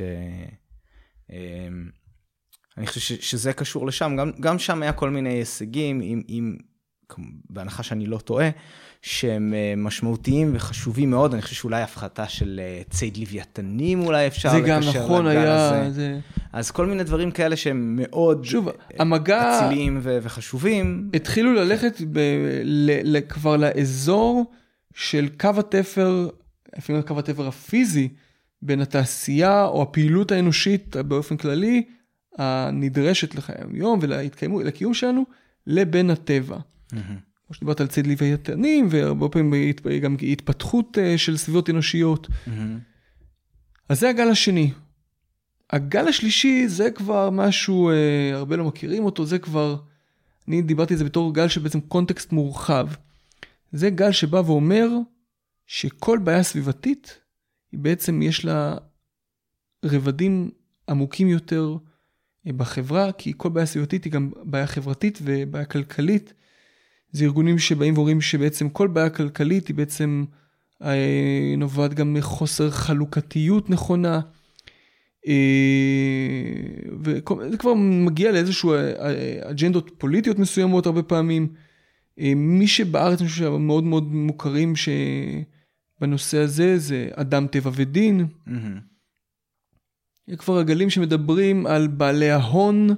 אה, שזה, אה, אנחנו רואים את זה הרבה למשל היום עם הנושא של האס- האסדה, אה, אסדות הגז, כן. גם אסדות הקידוח, אסדות הטיפול. אנחנו רואים את זה בכל הנושא של הדיבור על חופי הים, ובכלל התפיסה הזאת של, ש- שמדובר פה בעצם בבעיה חברה, שבעיה סביבתית היא, החב... היא גם בעיה חברתית, זה גם תמיד פוגע בשכבות חלשות. זה בעיה כלכלית גם, כי יש כאן אינטרסים של ארגונים גדולים, חברות גדולות, בדיוק. שפוגעים באינטרסים של כלל האוכלוסייה, כמו באמת לצורך העניין, אתה יודע, זיהום אוויר, או פגיעה בקו החוף, או דברים בסגנון האלה. אלה דאגות לגיטימיות, כמובן הכל כאן שאלה של איפה שמים את, ה, את הגבול ואיך מגיעים לאיזון הזה. נכון. אמ, בסדר גמור, אז זה מביא אותנו בעצם למה בעיניך הגל הרביעי, שעוד עוד לא. קיים כביכול, זה משהו שאתה מייחל לו. זה גל הרביעי, אני חושב שהוא נכון. היה גל שצריך להגיע מלכתחילה, לפחות, לפחות בגל השני. אני מדבר על הגל הטכנולוגי. ארגוני הסביבה מאוד טובים בלהגיד מה לא. אנחנו שומעים הרבה ארגוני סביבה שאומרים לנו לא לאסדות קידוח, אה, לא לאנרגיה גרעינית, לא להנדסה גנטית, לא לריסוסים, לא, ל- לא, לא לכל מיני טכנולוגיות. הם נורא חזקים בלהגיד מה לא. מהמם. הגל הרביעי צריך להגיד מה כן. כי אם אתה אומר מה לא, אתה דה פקטו אומר מה כן. דיברנו מקודם על נושא של זהירות אה, בדרכים, אם אני אומר לך לא לנסוע עכשיו ברכבת, מהמם. אני דה פקטו אמרתי לך לקחת את מה שהוא לא רכבת, כי אתה חייב להגיע. כן. אם אני אומר לך לא אנרגיה גרעינית, אני דה פקטו אומר לך, בוא תיקח את מה שקיים וכלכלי. כן. אנחנו לא נפס... אף אחד לא מתכוון לה- להפסיד ולצרוך פחות אנרגיה. כן, איפה שזה הכי צורם, אה, זה באמת במדינות עניות, לצורך העניין, שאם אומרים להם, לא, אל תעשו ככה, והם לא זכו ליהנות מהשפע שהטכנולוגיות האלה נתנו בתקופה שהסכמנו שזה בסדר להשתמש בהן. אבל עכשיו אז- אצלכם, כן. זה כבר לא. כן. ואני חושב שהדוגמה אה, הכי גדולה, אני חושב, של- הזה, זה יש תמיד את, את שלושת, את הארים, לא יודע כמה זה שלושה, יש, שאומרים תמיד מה, אה, מה הכי חשוב, אה, reduce, reuse, recycle. בדיוק, תמיד, רי- הכי טוב, הכי, אם אתה חייב ריסייקל סבבה, אם לא, אז ריוז זה גם טוב, אבל הכי טוב, הכי טוב, זה להוריד את להפחית- הצריכה, להפחית צריכה. רידוס. ואני אומר, זה פשוט לבוא ו... אה, גם אם הייתי יכול להפחית כל דבר ב- ב- ב- בקיום שלנו, כמובן שאם אני אפחית את הקיום שלי, אני אפחית את הפגיעה בסביבה, אבל זה לא המטרה, המטרה היא פשוט להכווין את הצריכה שלנו למקום שהוא עם טביעת רגל סביבתית יותר נמוכה. כן. דיברנו מקודם, אני ואתה דרך אגב, mm-hmm. על, על הדוגמה הכי טובה כאן, שזה דוגמה טכנולוגית, בנושא של טקסט דיגיטלי. כן. הרבה, אני חושב שכולנו שעברנו את גיל ה-30 מכירים את המאבקים בשנות ה-90, גם אחרי זה טיפה של להוריד את השימוש בנייר ונייר ממוחזר, רק ממוחזר וכולי. כן, ואת חוסר הברירה שהיית צריך להגיע לספרייה בשביל uh, העבודת מחקר שנתנו לך לעשות בכיתה ו... והיית מוצא את עצמך מצלם שם עשרות מאות עמודים, כדי היו, שיהיה לך את המידע הזה בבית. בדיוק, והיו אומרים, לא צריך אה, לשלוח כל דבר, ולא צריך, אה, תנסו לכולם להגיע לספרייה אולי לקרוא. ו... עכשיו, מה קרה בתכלס? יש פתרון טכנולוגי, שזה הטקסט הדיגיטלי, אם זה ה-PDF או אם זה דיסק און קי וכולי. אני מסתכל על הצריכה שלי לעומת הצריכה של הפרופסור שלי עם הדוקטורט. אה, הוא, ופעם דיברתי איתו על זה, פרופסור אורי פיק. אני נחשפתי בדוקטורט שלי להרבה יותר מאמרים ממנו. לא קראתי את כולם. הוא, פעם היה נהוג, יש לך כבר מאמר, אתה כבר קורא לעומק. אני הרבה פעמים מרפרף, עובר טאק למאמר אחר, טאק למאמר שלישי, טאק רביעי. יש מצב שתוך חמש דקות עברתי איזה שש מאמרים, הגעתי למאמר שבאמת אני רוצה להת, להתמקד בו. אבל הטקסט הוא דיגיטלי, אין בו באמת פגיעה מהותית יותר בסביבה. אולי דרך שימוש באנרגיה וכולי, אבל זה פחות לעומת להדפיס כל אחד מהטקסטים האלה. כן. לא עשיתי רידוס, ממש לא. העצמתי בהרבה את הצריכה שלי, אבל ניתן, הטכנולוגיה נותבה למקום hmm. שה, אה, שהיא כבר עם טביעת רגל הרבה יותר נמוכה. כן. ארגוני הסביבה היו צריכים לבוא ולהגיד, מראש לנסות לזהות את המגמות האלה ולדחוף כמה שיותר מאוד מועד, לדחוף את כל, ה, את כל הגופים, את כל האוכלוסייה לטקסט דיגיטלי. כן, כי, כי הדוגמה באמת נגיד של מאמרים וספרים זה באמת דוגמה שקל מאוד להתחבר אליה, כי תאר לך במצב שבו אין לך את הטקסט הדיגיטלי. אתה מדמיין לעצמך ארגוני סביבה שאומרים אנחנו צריכים להפחית את הקריאה של ספרים ושל uh, מאמרים ושל כל מיני כאלה לא אנחנו נפחית את זה אז איזה אנחנו אומרים? אנחנו uh, לא נאפשר לחברות לשלוח ספרים למדינות מתפתחות כי כאילו אנחנו רוצים להפחית את צריכת הנייר. היה כאילו, הרבה דיבור זה על... נשמע אה, אבסורדי הרי ברור לכולנו שהעניין הזה של השכלה ושל דברים כאלה זה יקר ואם הדרך שלך לעשות את זה זה על ידי הדפסה של ניירות לצורך העניין אז לכולנו ברור שזה שווה את זה. ולא יבואו בתלונה לאנשים על זה שהם קנו עוד ספר. אז הרבה דיברו למשל על אולי שימוש חוזר, אבל כאן יש בעיה שאתה בעצם פוגע במי שכתב. ו, אה, ו, אבל כן, הדיבור בנושא של נייר היה, ניסו להיכנס לנושא של רידוס, של, של להפחית את הצריכה, אז אולי לא ספרים, אבל להדפיס פחות, אה, לתלות פחות, לחשוב אם זה חשוב. וואלאק, אני רוצה להדפיס מה שבא לי. אז אני רוצה פשוט לקרוא מה שבא לי, וזה מה שאני עושה היום. לי יש היום על הדיסק און קיש, על הארד דיסק שלי במחשב, כמויות של ספרים של, ו, ומאמרים שלא, בבית שלי אין לי, אין לי, אין לי אפילו, בפרינט אין לי משהו אפילו עשירית מזה. כן, אתה יודע, אבל זו, זו סוגיה מעניינת, ואני לא יודע כמה עמוק ניכנס לזה, כי אתה יודע, זה לא הנושא שלנו. העניין של הפחתת צריכה אתה יודע, אני לא בטוח שאני גיבשתי עמדה לגמרי מגובשת בנושא. כן ברור לי שאתה יודע, כשאני מדבר עם אנשים מהצד שמאל של הספקטרום, הגישה הזו של להפחית, להפחית, צריך להפחית את הצריכה הקפיטליסטית החזירית הזו של כל דבר, זה מאוד ניכר שם. וכמובן שבקיצון השני יש לך את האלה של, אתה יודע, רק להגביר ולהגדיל, והמסחר והזה, שיש להם המון יתרונות, אבל ברור שהפוטפרינט שלהם לצורך העניין, הטביעת רגל יכולה מאוד להיות גדולה, אז חייבים לשים לב לזה, ואני... אני באמת אבל... תוהה, כי, כי אתה יודע, לצורך העניין... אבל זה בדיוק הנקודה. כן. אני לא חושב שאנחנו צריכים להיכנס לזה, ולא צריכים, לא צריכים להילחם בזה. זה בדיוק מה שאני אומר, אני אומר, יכול להיות שזה נכון, יכול להיות שדבר נכון יותר אולי להוריד, אבל אתה נלחם פה בכוח הכלכלי החזק ביותר, וזה משהו שהוא די mm. חסר אז טעם. אז אתה אומר זה לא עניין של כאילו אתה לא צריך להנדס פה את הכלכלה מחדש, בדיוק. כי זה לא תפקידך בעצם, אני, אני סליחה, אני כבר מפרש את זה בדיוק. קצת הלאה. אלא בעצם תראה, הנה, הדוגמה שוב של המדיה הדיגיטלית, לא הכרחת אף אחד להפסיק להדפיס ולקנות נכון. ספרים וכאלה. נתת פתרון ממש מצוין, הטכנולוגיה פה פשוט הפכה את זה להרבה יותר נוח. ברוב המקרים פשוט לקרוא את זה בצורה דיגיטלית. לא אילצת אף אחד לעשות שום דבר. בדיוק, בדיוק. כן, כמובן. עכשיו, שוב, צריך בשביל זה ארגוני הסביבה. חייבים להבין טכנולוגיה. שהרבה מאוד פעמים זה לא האוריינטציה שלהם, זאת אומרת, הרבה פעמים הם לא מעוניינים להיכנס לצד, הם יותר אוהבים את הצד, בגלל, בייחוד בגל השלישי שדיברנו עליו, הם מאוד אוהבים את הצד הפוליטי, ולהבין את החברתי, ולהבין את הסוציולוגי. אבל בסופו של דבר, הם צריכים להבין את הצד ההנדסי, את הצד הכימי, את הצד הביולוגי, את הצד ה, ה, אה, אה, של התוכנה, ולהבין איך אנחנו כאנושות עושים דברים. לנסות ולהבין איך מנתחים לאיפה הטכנולוגיות הולכות. לנסות להבין מראש לאיפה זה הולך, ולנסות לנתב לשם. מעניין. אני עד היום ראיתי רק מקום אחד בו ארגוני הסביבה באמת אה, הולכים ומעודדים טכנולוגיה, אבל זה נעשה בצורה שהיא ללא, ללא ניתוח וללא העמקה. וזה נושא של, התחליף, של האנרגיה הסולארית. Mm, כן.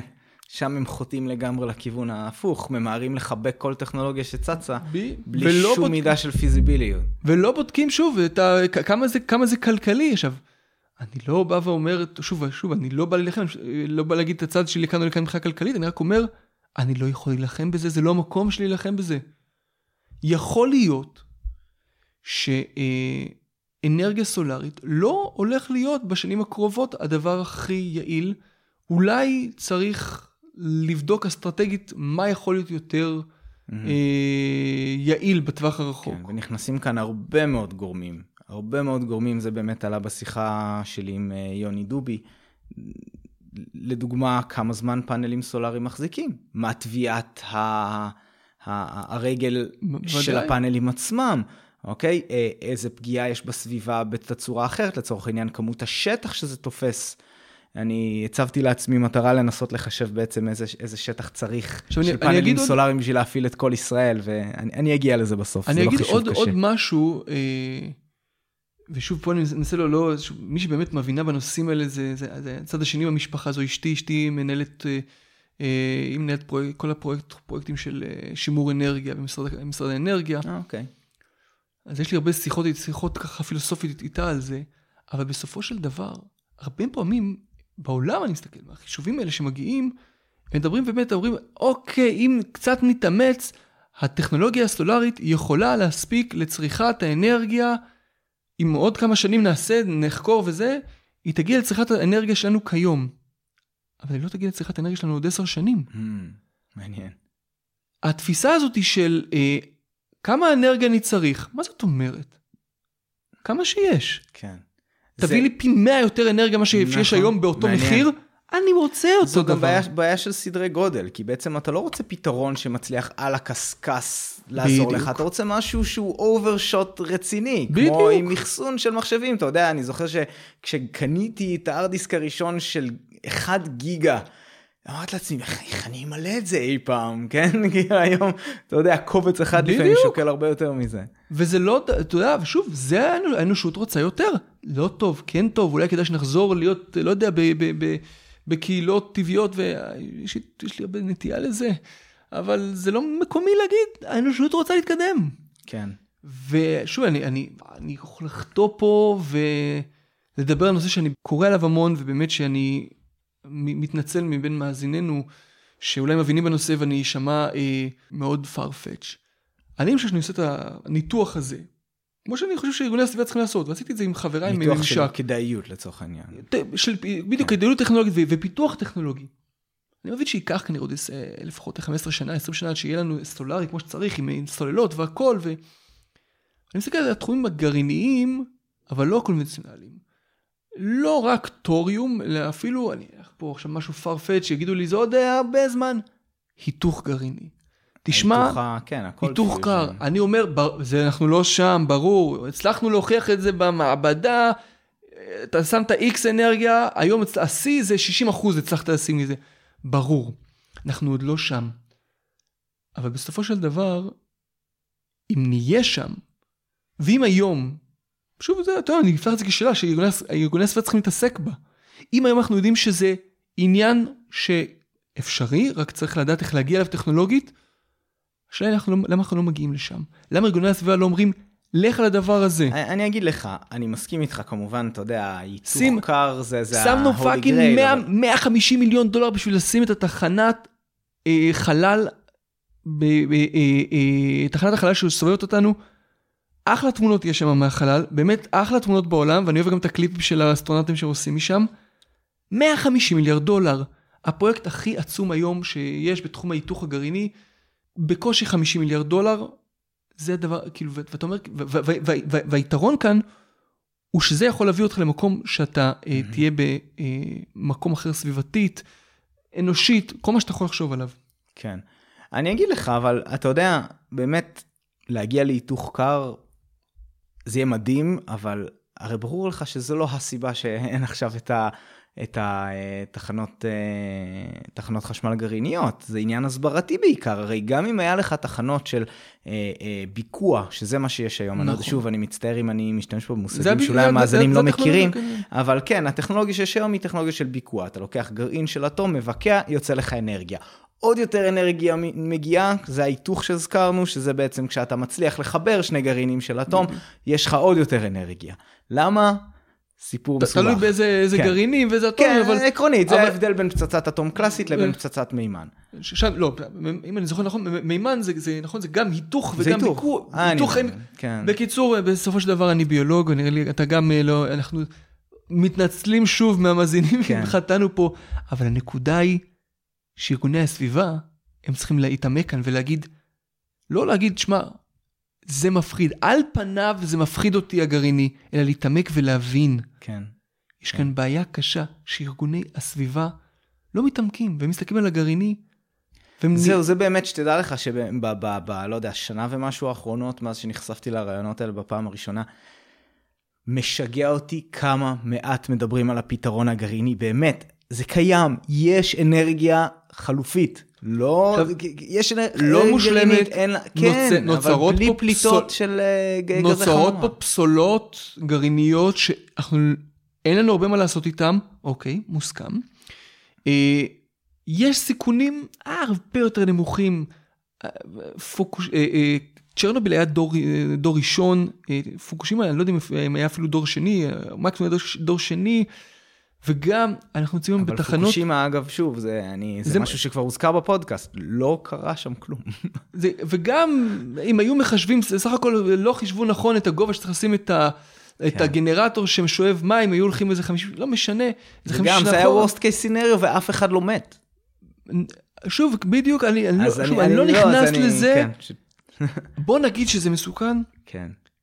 אה, אנחנו מדברים על דור, אה, הדור השלישי, הוא הרבה יותר בטוח, ואתה אומר, מה הסיכון שימותו?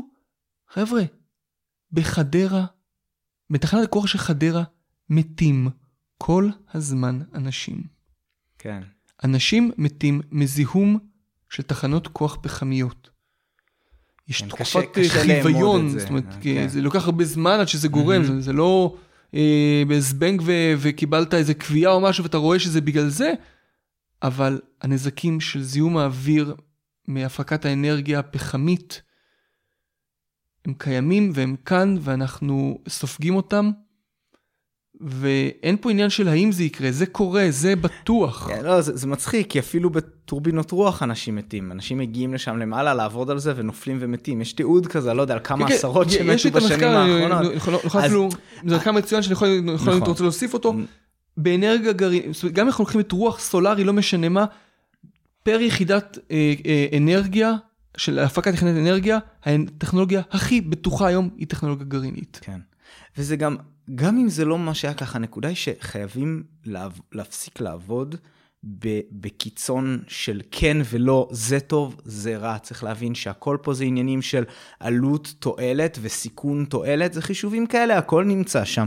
צריך לקחת את הכל בחשבון ולפסול על, על הסף טכנולוגיות, זה לא דבר טוב. באופן אבל- כללי זה, זה, אה, כן. כל עוד אתה לא, כל עוד אתה, אתה לא, הבעיה היא שוב שכל עוד אתה לא אומר שאם להגיד לא, זה גם להגיד כן על משהו אחר, אז אין בעיה, זה לא דורש הרבה אומץ, אתה אומר, אני לא רוצה, זה מסוכן.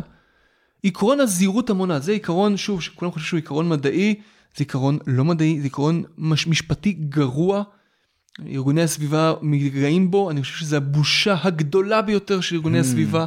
כן. אמרתי את זה להרבה מראשי ארגוני הסביבה בישראל, זה בושה גדולה, העיקרון הזה. זה עיקרון שבא ואומר, גם אם אני לא יודע אם זה מסוכן ואין לי דרך אפילו להעריך אם יש בזה סיכון. מהמם. זאת אומרת, כל דבר שהוא, אם יש לי חשש, לא משנה למה, אולי כדאי להיזהר. זאת אומרת, אתה, ידידי, אתה לובש פה חולצה אפורה, אני חייב להגיד שעד היום לא היו מחקרים שבדקו האם חולצה אפורה גורמת לסרטן מעי הגס. כן, כן. העניין הזה לא נבדק, ואני לא אומר לאף אחד שצריך בגלל זה אה, לפתור, להפסיק ללכת חולצות אפורות. אין לי פשוט שום, זה סתם המצאתי את זה כרגע, את, את הסיבה, אין שום סיבה לחשוב שזה יגרום לזה. והשאלה הכי טובה שאני שואל אנש- אנשים שעוסק, ש- משפטנים שעוסקים בזה, שאלתי את זה בזמנו את דוקטור אור קרסין, שהיא משפטנית שעוסקת הרבה בנושאים האלה של סביבה, אמרתי לה, תתני לי בבקשה דוגמה לטכנולוגיה אחת שהוחל עליה עקרון הזהירות המונעת, ועם השנים אה, כבר לא הוחילו עליו. איזה טכנולוגיה אמרו עם הזמן, אוקיי, עכשיו זה בטוח. מספיק מחקר נעשה בשביל שנרגיש שזה בטוח. Hmm. שאלתי בזמנו איזה מישהו מגרינפיס, אני זוכר את אחד הרכזים שלהם בתחום ההנדסה הגנטית, הוא אמר לי, לא חקרו מספיק. זה היה ב-2013. אני אמרתי לו, הוא אמר לי, לא חקרו, זו טכנולוגיה יותר מדי חדשה, צריך, אה, לא יודעים מספיק, בשביל זה, זה צריך פה עקרון הזהירות המונעת. אמרתי לו, תשמע, אנחנו חוקרים את הדבר הזה כבר עשר שנים, הטכנולוגיה הזאת קיימת. הוא אמר לי, עשר זה כלום, לפחות עשרים שנה, חיים של אדם בוגר. אמרתי לו, האמת שאני שיקרתי לך עכשיו, הטכנולוגיה הזאת נחקרת מ-1983, אז זה היה 30 שנה, אז מה אתה אומר, זה בטוח? אז הוא אומר לי, תשמע, לפחות חיים שלמים. ישר הוא קפץ, כי כן. אתה לא רוצה לקחת אחריות, אז אתה אומר, לא זה, מה אכפת לך? הם מפחדים לבוא ולהגיד, כן זה. אבל הם לא מבינים שכשהם אומרים לא לטכנולוגיה X, הם אומרים כן לאלטרנטיבה. כן, ושתדע לך שבנימה אישית קצת, אני חייב להגיד שעניין הסביבה הוא, הוא מאוד מאוד נוגע אה, לליבי, כמו, כמו גם לך. אני מנסה להיות בן אדם אחראי ולנסות איפה שאני יכול, ואיפה שזה, אתה יודע, בגדר הסביר, להפחית. לי אכפת, אתה יודע, אני גדלתי בבית שלא מחזרו בו. ומתישהו התחלתי לנזוף באימא שלי, למה את לא מחזרת? למה את זה? אה, אתה יודע, וזה ושם. יש אנשים שאתה לא יכול לדבר איתם, שהם מקובעים מדי ואי אפשר כבר, אבל מהרגע שאני התחלתי להחזיק, אתה יודע, משק בית משל עצמי, בטח שהם ממחזרים. כל פלסטיק שניתן למחזר, אפשר למחזר. ואז אנחנו ממחזרים, אבל זה מדהים, כי גם זה עכשיו כבר מתחילים להתקבל דיווחים על, ה, על התופעות לוואי הרעות של, אה, של תעשיית המחזור, ועל איך שבעצם להעביר את זה למדינות אה, עולם שלישי שיטפלו לך בפסולת, נימבי, זה מה אולי, שנקרא. כן, Not in זה my אולי לא backyard. יפה כמו שאתה חושב, ומוביל להרבה מאוד מה, מהזבל שאנחנו רואים אה, בים עכשיו אפילו. לצערי, אני, אני לא חושב שזה עדיין הוכח ברמה ודאית, אבל זה בהחלט הגיוני. ו... וצריך לשים לב לדברים האלה, צריך לשים לב גם, אתה יודע, לפתרונות רומנטיים וכל מיני כאלה, אבל אני באמת, הרבה פעמים אני מרגיש במצב שבו, רגע, אז אסור לעשות את זה, ואסור לעשות את זה, ואסור לעשות את זה. אתן לך דוגמה, לשטוף כלים. אז מדברים על להפחית חד פעמי, אבל מצד שני מדברים על להפחית שימוש בסבונים, כי הדטרגנטים הם נכון. גם, דטרגנט זה מילה כללית אה, לסבון, אה, מכימיה. הדטרגנטים גם מזיקים לסביבה, אבל אף אחד לא בא ואומר לי מה מזיק יותר. כאילו, אני, אף אחד לא מכמת לי בכמה סבון אני צריך אה, אה, להשתמש כדי להצדיק כפית חד פעמית אחת, אתה מבין? אז באמת, זה, זה מאוד מאוד מבלבל, ואני מתאר לעצמי שאם לי, בטח, אתה יודע, לאדם הממוצע, לדעת מה נכון ומה לא נכון, ואם אתה כבר מרגיש בתחושה כזאת של טוב, לא משנה מה אני עושה בחיים האלה, אני מזיק לסביבה, אני כבר אוותר. אמ, לא, ז- ז- זו תחושה שהרבה פעמים מתקבלת אצלי, ובאמת, עכשיו כשאתה מנסח את זה בצורה הזו, באמת חסר לי שמישהו יבוא ויגיד לי מה כן. וגם לא סתם יגיד לי מה כן, שגם יבסס את זה על משהו, לא על תחושות בטן. או יכול להיות, יכול להיות שוב גם שארגונים צריכים להגיד, מה עוד לא אצלנו וצריך ללכת אליו? זאת אומרת, על מה צריך להתרכז? זה כן מקומם של ארגוני הסביבה להגיד לאיפה צריך לפתח ולאיפה התעשייה צריכה יותר להתקדם ו- ו- ולאיפה אנחנו כ- כחברה צריכים לבקש לצרוך איזה טכנולוגיות חדשות. מהמם. שוב, זה, אה, זה, זה אה, ניתוח שלא עושים בארגוני הסביבה. אני, כן, אני אגיד לך רק משהו אחד, כי על פניו, משתמע שמה, מה, ממה שאתה אומר פה, אני גם יכול לשמוע את זה אחרת, אבל משתמע שמה שעולה כאן זה באמת הטיעון ה- ה- ה- של השוק החופשי. שבעצם, מה, מה הקטע של טכנולוגיה? אתה תביא טכנולוגיה שהיא טובה, אנשים ירצו להשתמש בה, ואם יצא שהטכנולוגיה הזו מיטיבה עם הסביבה, אז מצוין, אז כביכול מאוד מאוד הדרך המצ... אז זה כאילו, למה, למה, למה, מה היתרון שלנו שניכנס לזה? לא, אני, אני, מה שאני אומר זה, אמ, אני רגע, אני אגיע, אני אגיע לנקודה. אני אומר שאיך שאתה מנסח את הדברים, ניתן בקלות להאשים אותך שזה פשוט רק עניין של שוק חופשי, ורק השוק החופשי יכול לפתור את הדברים האלה, ואתה יודע, אה, הטכנולוגיה, כאילו, רק אם הטכנולוגיה תגיע, אז היא תושיע אותנו. ו- ו- אני, אני, ו- אני, אה, זה קצת לא לא לחשוף יותר מדי מדעותיי, אבל אני, אני אומר באמת, שוב, אני באמת מכיר בחשיבותו של השוק החופשי, אבל שוב, גם שוב, שוק חופשי באופן תיאורטי, הוא יכול לפעול רק מהיותו שוק חופשי וכולי, ויהיה הכל מושלם, אבל יש כשלים בעולמנו, אה, אני חושב שבנושא הסביבתי הכשל הכי חשוב שצריך לשים אותו לשולחן, זה מה שנקרא, אה, מה שנקרא the, tragedy of the tragedy of the commons. או, מצוין, האמת היא ממש לזה רציתי להגיד. הטרגדיה של נחלת הכלל, שזה כן. אומר בעצם סבבה, יש את הדברים שהם נחלת הכלל, ואם אני מזהם אתה, אותם אתה, לא ואני פוגע, פוגע בהם, אתה לא פוגע במישהו אחד, נגיד, כאיזשהו, אה, כאיזושהי חברה, כאיזשהו מפעל או מה שלא יהיה. אתה לא פוגע בבן אדם אחד, אתה פוגע במלא בדיוק. אנשים קצת. בוא, בוא נגיד, נגיד ואז אף אחד לא יכול ספציפית אישית לבוא ולטעון, נגיד, אתה יודע, בוא- בוא- בוא- הרסת לי את הבית. בדיוק. נגיד אבל- למשל, אם אני, יש לי מפעל שמזהם איזשהו אה, נחל, אז בסופו של דבר, אם שוק חופשי ואני מזהם אותו ואין עליי אה, החצנות, או, מעבר לרגולציה, אה, מיסים וכולי, זה שאני יצרתי פה נזק, אני צריך לשלם עליו, אז האינטרס הוא אדיר, כן. כי אה, אני לא צריך להתייעל פה, ואני יכול פשוט לזהם, כי אתם כולם משלמים לי על זה, אתם פשוט לא מבקשים את התשלום. כן. אה, והרבה פעמים זה פשוט כי זה כמו פגיעה וכמו לקחת משהו ששייך לכולנו, Mhm. רק שאנחנו לא רגילים שזה משהו ששייך לכולנו. אוויר נקי זה משהו ששייך לכולנו. כן. ואם אתה מפעל מזהם, או אם אתה משתמש במכונית שמזהמת, אז יש מצב שאת, שוב, שאתה אה, לוקח משהו מכולנו. כן. כן, אני מסכים, בדיוק בזה רציתי לגעת. אומר, כלכלית אין שום בעיה, אתה רוצה לזהם, בסדר גמור, תשלם לכולנו על זה. זה, אז זהו, אוקיי, אז על זה, על זה בדיוק רציתי לדבר שזה- איתך. שיהיה פה מחיר אמיתי של הטכנולוגיה שלך. כן, בדיוק. כי אני אומר שאוקיי, טכנולוגיה צריכה להיות נוחה וזולה, ושאנשים ירצו להשתמש בה, אבל מה שאני אומר זה שייתכן וכן יש מקום אה, לרגולציה מסוימת, לדעתי כמובן, כן?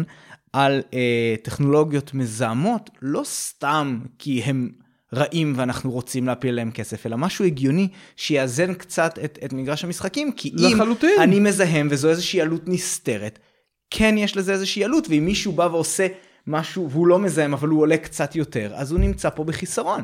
יש פה שאלה ענקית שבאמת, וזה קשה לי, יש, יש חוקרים מדהימים כמו ניר בקר, אה, כלכלנים שיושבים על הדברים האלה, אה, שבעצם מה העלות של אה, הפגיעה הסביבתית שלי. אבל שוב מה שאתה אומר פה הוא דבר נכון שאני מסכים איתו. זה לאו דווקא לבוא ולהגיד לא, לא לטכנולוגיה הזאת, אבל פשוט אנחנו רוצים שהמח... שכל, כמו, שהם, כמו שהמפעל שמייצר משלם על חומרי הגלם ומשלם על הקרקע שהוא אה, סוחר או קונה, אותו דבר שישלם על הסביבה שהוא פוגע בה. אני מסכים. זה, דבר- זה שייך לכולם. שוב, כמו שאנחנו רגילים שהוא לוקח מהמדינה או אה, את, את הקרקע אם הוא קונה, אז הוא צריך לשלם עליה, כי זה שייך לכולנו, אותו דבר הסביבה, תשלם על זה. אם זה עדיין יעיל כלכלית, בסדר גמור, אבל אה, אתה לא יכול לרכב על הכדאיות הכלכלית של המוצר שלך, מהמם. שהמחיר שלו שהמחיר נסתר, שלו הוא, כן, הוא. על ידי, אנחנו משלמים פשוט על המחיר בלי לדעת. בדיוק, וזה אני באמת רציתי להעלות פה איזשהו רעיון שלי עלה, סתם מעניין אותי מה דעתך עליו, עוד לא גיבשתי אותו סופית, אבל קודם, זה גם בטח לא רעיון שלי, אבל העניין של הזבל, בעצם יצא לי להיחשף לאחרונה לכל מיני מקומות שבעצם אומרים ש, שהדברים שאנחנו מקבלים, נגיד מהמדינה או מהעירייה, ואנחנו רואים את זה כמובן מאליו, יכול להיות שעדיף שלא נראה אותם כמובן מאליו כדי שיותר ניחשף לעלויות שלהם. אז לי עלה נג- נגיד הרעיון הזה בהקשר הזה של פינוי אשפה. ברור לנו שלא משנה לי שאני גר בעיר אה, בינונית, ברור לי שאני יכול לייצר כמה זבל שאני רוצה, אני שם אותו בפח ומישהו יבוא ויקח אותו. לא משנה כמה. אז זה יוצר כאן באמת איזושהי הטיה, לא עולה לי אקסטרה כסף לייצר יותר זבל, ומספיק שאתה טיפה תשים משהו על זבל, אתה גם, בסדר, ברעיון שלי זה גם על סוגים שונים של זבל וכאלה, אני לא אכנס פה, אולי שווה לכתוב על זה איזה פוסט, אבל אמ, מהרגע שאתה תתחיל לקחת משהו על, על, על זבל, הרי מה זה זבל בסופו של דבר? מדובר פה על הפינוי, ומדובר פה על הנדלן. ו... על הנדלן, כן, הרי מה זה? נגיד קניתי, יש לי צלחת חד פעמית, אז מה שאני שילמתי עליה זה על העלות שהיה לייצר אותה, ואתה יודע, הרווחים של כל מי שזה עבר דרכו. אבל עכשיו הצלחת הזאת תהיה, לא יודע, 100 אלף שנה, במקרה הטוב מגיע לאתר הטמנה, במקרה לא כן. טוב היא, מתפור... היא מגיעה למיקרו-פלסטיק ומגיעה מגיע- למי הים. נכון. אז, אז אני אומר, אבל נניח ובאמת זה הטמנה, זה נדל"ן. אני צריך עכשיו לשלם שכירות על הצלחת הזו ל-100 אלף שנה. אז בוא נראה אם זה עדיין ישתלם לי כלכלית. כן, אז היא שוקלת רק גרם, אבל, אבל יכול להיות שמהרגע שאני יודע שאני צריך עכשיו לשלם אה, את המחיר שצפוי נכון, לעלות של לחלוטין. הנדל"ן שלה, זה כבר יתקזז. עכשיו, מה שאני אומר פה הוא מאוד הגיוני, הרי אם אני רוצה לקחת עכשיו אה, אה, אה, אה, כמה, אתה יודע, מיכל שלם של צלחות פלסטיק ולשמור אותו לעצמי, זה יעלה לי כסף, אני אצטרך לשלם על אחסנה. אבל משום מה כשזה מוגדר כזבל, אני לא צריך לשלם על האחסנה הזאת. סתם זה איזושהי הבחנה קטנה, אני מסכים רעיון איתך קטן שוב. שעלה לי. מסכים איתך כאן ו- לחלוטין. אה, אני ראיתי את זה, דרך אגב, בעבודה שלי במשרד הכלכלה, במנהל סביבה עבדתי הרבה שם על נושא של מה שנקרא סימביוזה תעשייתית. עכשיו שוב, גם כאן לוקחים מונחים אקולוגיים, לא ניכנס פה לטרמינולוגיה, אבל הכוונה היא באמת אה, אה, לזה שבתעשייה הרבה יותר יש מחיר לפסולת. אתה לא זורק מה שבא לך ומגיע Mm. מישהו, אתה משלם. כן. ואתה, ואתה גם, אם יש לך פסולות מסוג מסוים, אתה משלם על ההטמנה שלהם. ברור, גם בתחומים שלנו, כן. עניינים של פסולת ביולוגית, זה בכלל נושא ברור. בפני עצמו. כן. ו- ואתה רואה שם הרבה יותר כדאיות, הרבה פעמים לעניין הזה, שאם אתה לא צריך לשלם על הפינוי, אז שווה לך להתאמץ ולמצוא מישהו שיעשה משהו עם הזבל הזה אפילו. גם אם אתה לא יכול להוריד, שמישהו, י- אני לא, אל, אל תוריד, אבל שמישהו יעשה עם זה. Hmm. אתן לך דוגמה, אמ, למשל אה, אינטל קריית גת, זה נושא שאני ש- ש- ש- מכיר אותו לא, מה, לא מהעבודה במשרד הכלכלה, באופן שזה התפרסם, אני מכיר, באיזה סיור שם גם ראיתי את זה. הם אה, יוצרים נחושת ברמה מאוד מאוד אה, נמוכה, חלק מהזיהום שלהם הם פשוט, כדי, הם, הם בעצם צריכים, אה, הם מייצרים בעצם תמיסות עם נחושת בגלל כל התהליך של יצירת אה, מיקרו פרוססורים, אז אה, אחר כך הם צריכים להוציא את הנחושת מהמים כדי שהם יהיו מים שאפשר להעביר לפ, לפסולת. אז נוצר להם הרבה בעצם נחוש, נחושת. מי נחושת, איזשהו בוצת נחושת שכזאת, לא, ובאחוז מאוד גבוה, אבל לא נחושת שאתה יכול למכור בשוק. אבל כן, זה שווה אה, לתעשיות נחושת לקחת את זה אה, ולהפיק מזה נחושת. עכשיו, אינטל יכולה להגיד כמה שהיא רוצה, כאילו, אה, וואלה, אנחנו עשירים, אנחנו טובים לסביבה וזה. בסופו של דבר, הם הרוויחו את זה שהם לא צריכים להעסיק מישהו שיעסוק בפינוי הפסולת הזאת, ולא צריכים לשלם על ההטמנה של הפסולת הזאת. מישהו אחר מהמם. לקח את זה עליו. כן, וזה יצא להם משתלם אשכרה כלכלית. אנחנו רואים את זה בהרבה אה, נגריות מהמם. שמוכרות את ה... אה, או נותנות מתנה את הפסולת עץ, את השבב... את כן. הנסורת לעופות שילכו על זה. נכון. נכון. זה דברים ש... אז זהו, אז אני רוצה רק להדגיש פשוט את מה שאתה אמרת פה על אינטל, זה לא סתם קרה, מה שקרה זה שיש תקנות שמחייבות אותם להיפטר מה, מהבוצת נחושת הזו בצורה מסודרת. או לשלם. זה העלה להם מאוד, כן, זה, זה, זה כרוך בלשלם. או לשלם על ההטמנה. בדיוק, לשלם על הטמנה. זה היה להם מחיר מאוד יקר, והם מצאו שיותר משתלם להם לעשות עם זה פתרון שיצא שהוא יותר סביבתי, אבל זה בזכות זה שקיימות תקנות שלא פשוט מאפשרות להם לזרוק את זה בחצר.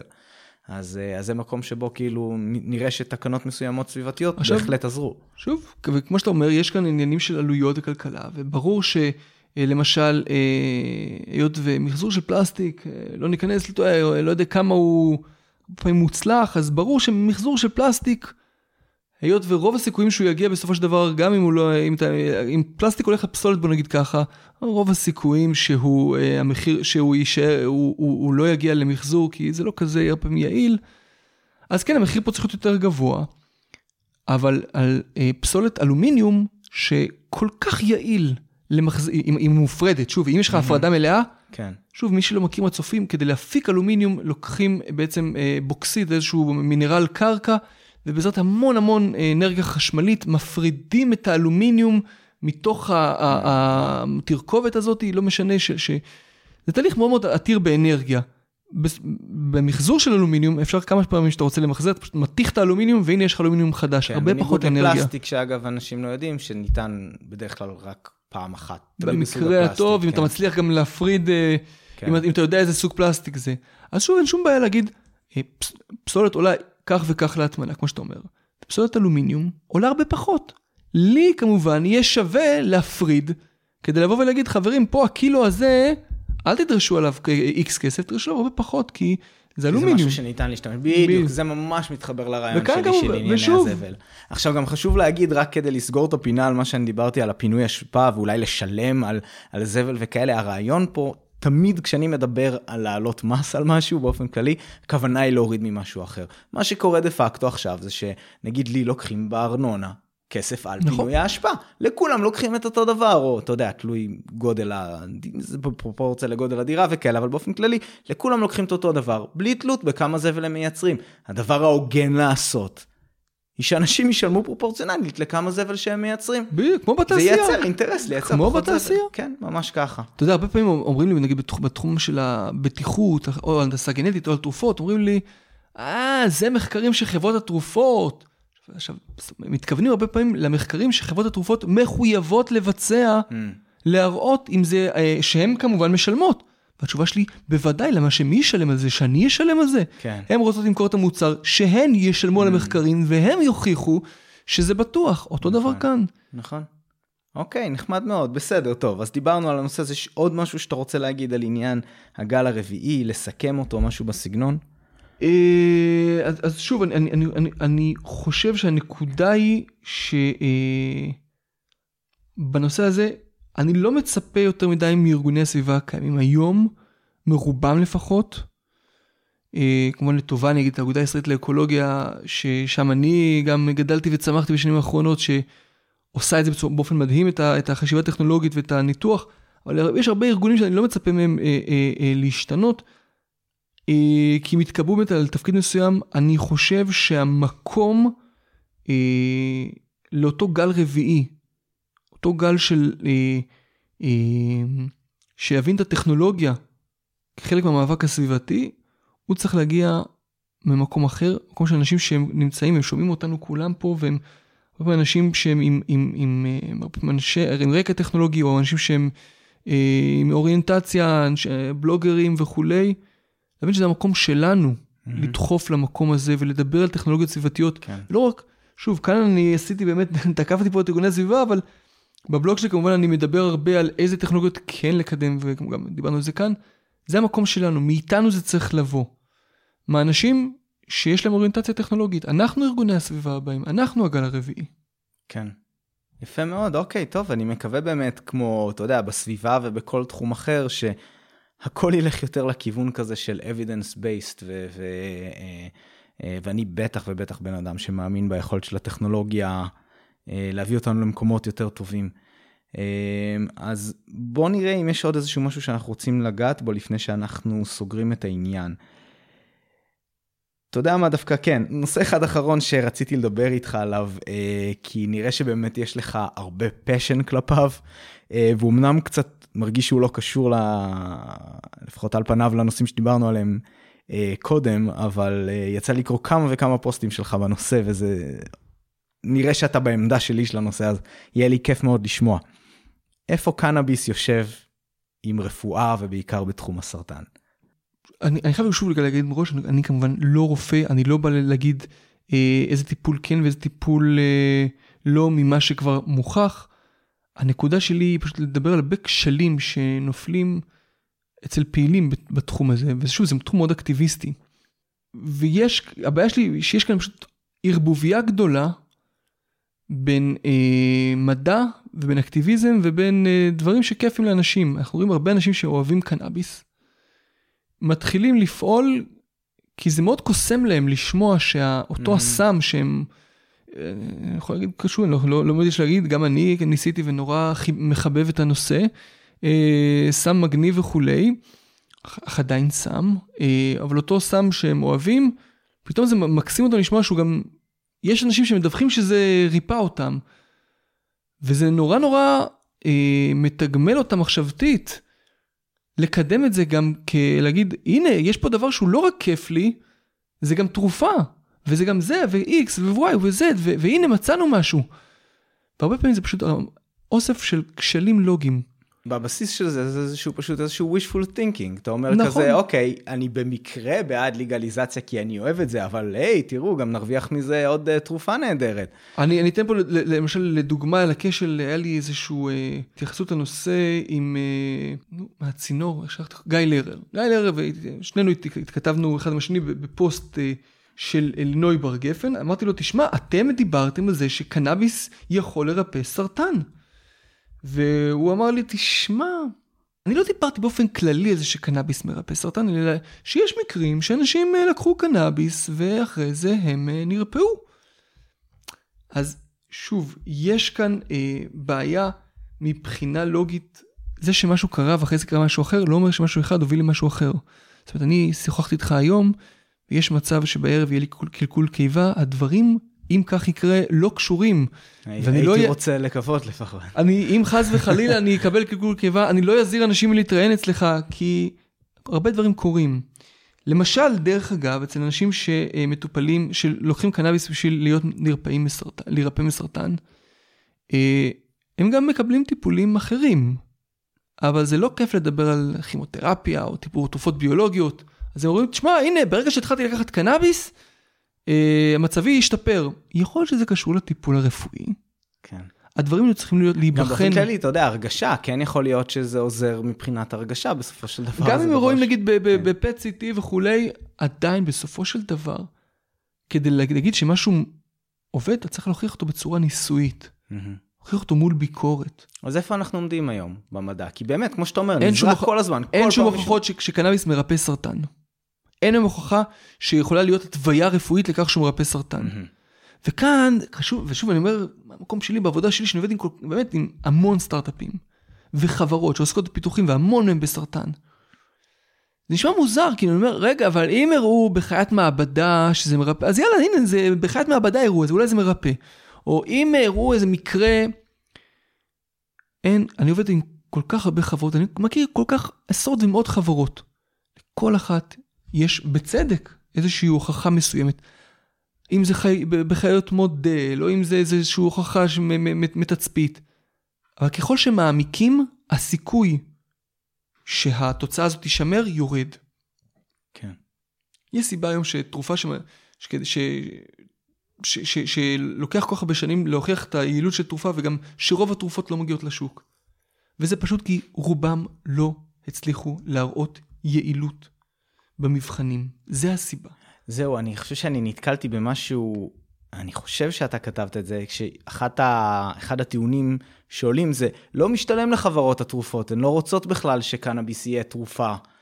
עכשיו, כאן יש איזשהו כשל, כי זה נוגע לבעיה אחרת שמדברים עליה אקטיביסטים, וזה שמהצמח הזה אי אפשר uh, לזקק תרופה, הוא כעצמו תרופה, הוא הכולל תרופה, שזה קשקוש מוחלט. פשוט לא בוצע מספיק מחקר. כמובן שאפשר לזקק ולמצוא את הרכיבים הפעילים הספציפיים שרק הם מהווים. שוב, אותו, הטיעון הכולל הוא תמיד אומרים, אי אפשר, זה חייבים לעשן או לקחת את כל הצמח. אה, אני דווקא יותר מדבר על הכיוון של אה, אי אפשר להוציא על זה פטנט. אפשר בוודאי להוציא על זה פטנט. יש המון אה, אה, תרופות שמבוססות על חומרים צמחיים, גם בסרטן, והאמת, היה לי אפילו פוסט שעשיתי דווקא לנושא הזה, והראיתי על צמחים אחרים שהם כן מוכחים וכן אה, אה, אה, מהווים בסיס לתרופות לסרטן. אתן דוגמה, אה, אה, תרופת הטקסול. אחת מהתרופות הכ- הכימותרפיות הראשוניות, תרופה מדהימה שעשתה מהפכה בתחומה, אה, ומקורה מצמח שנקרא הטקסוס הפסיפי. אה, היא בשוק.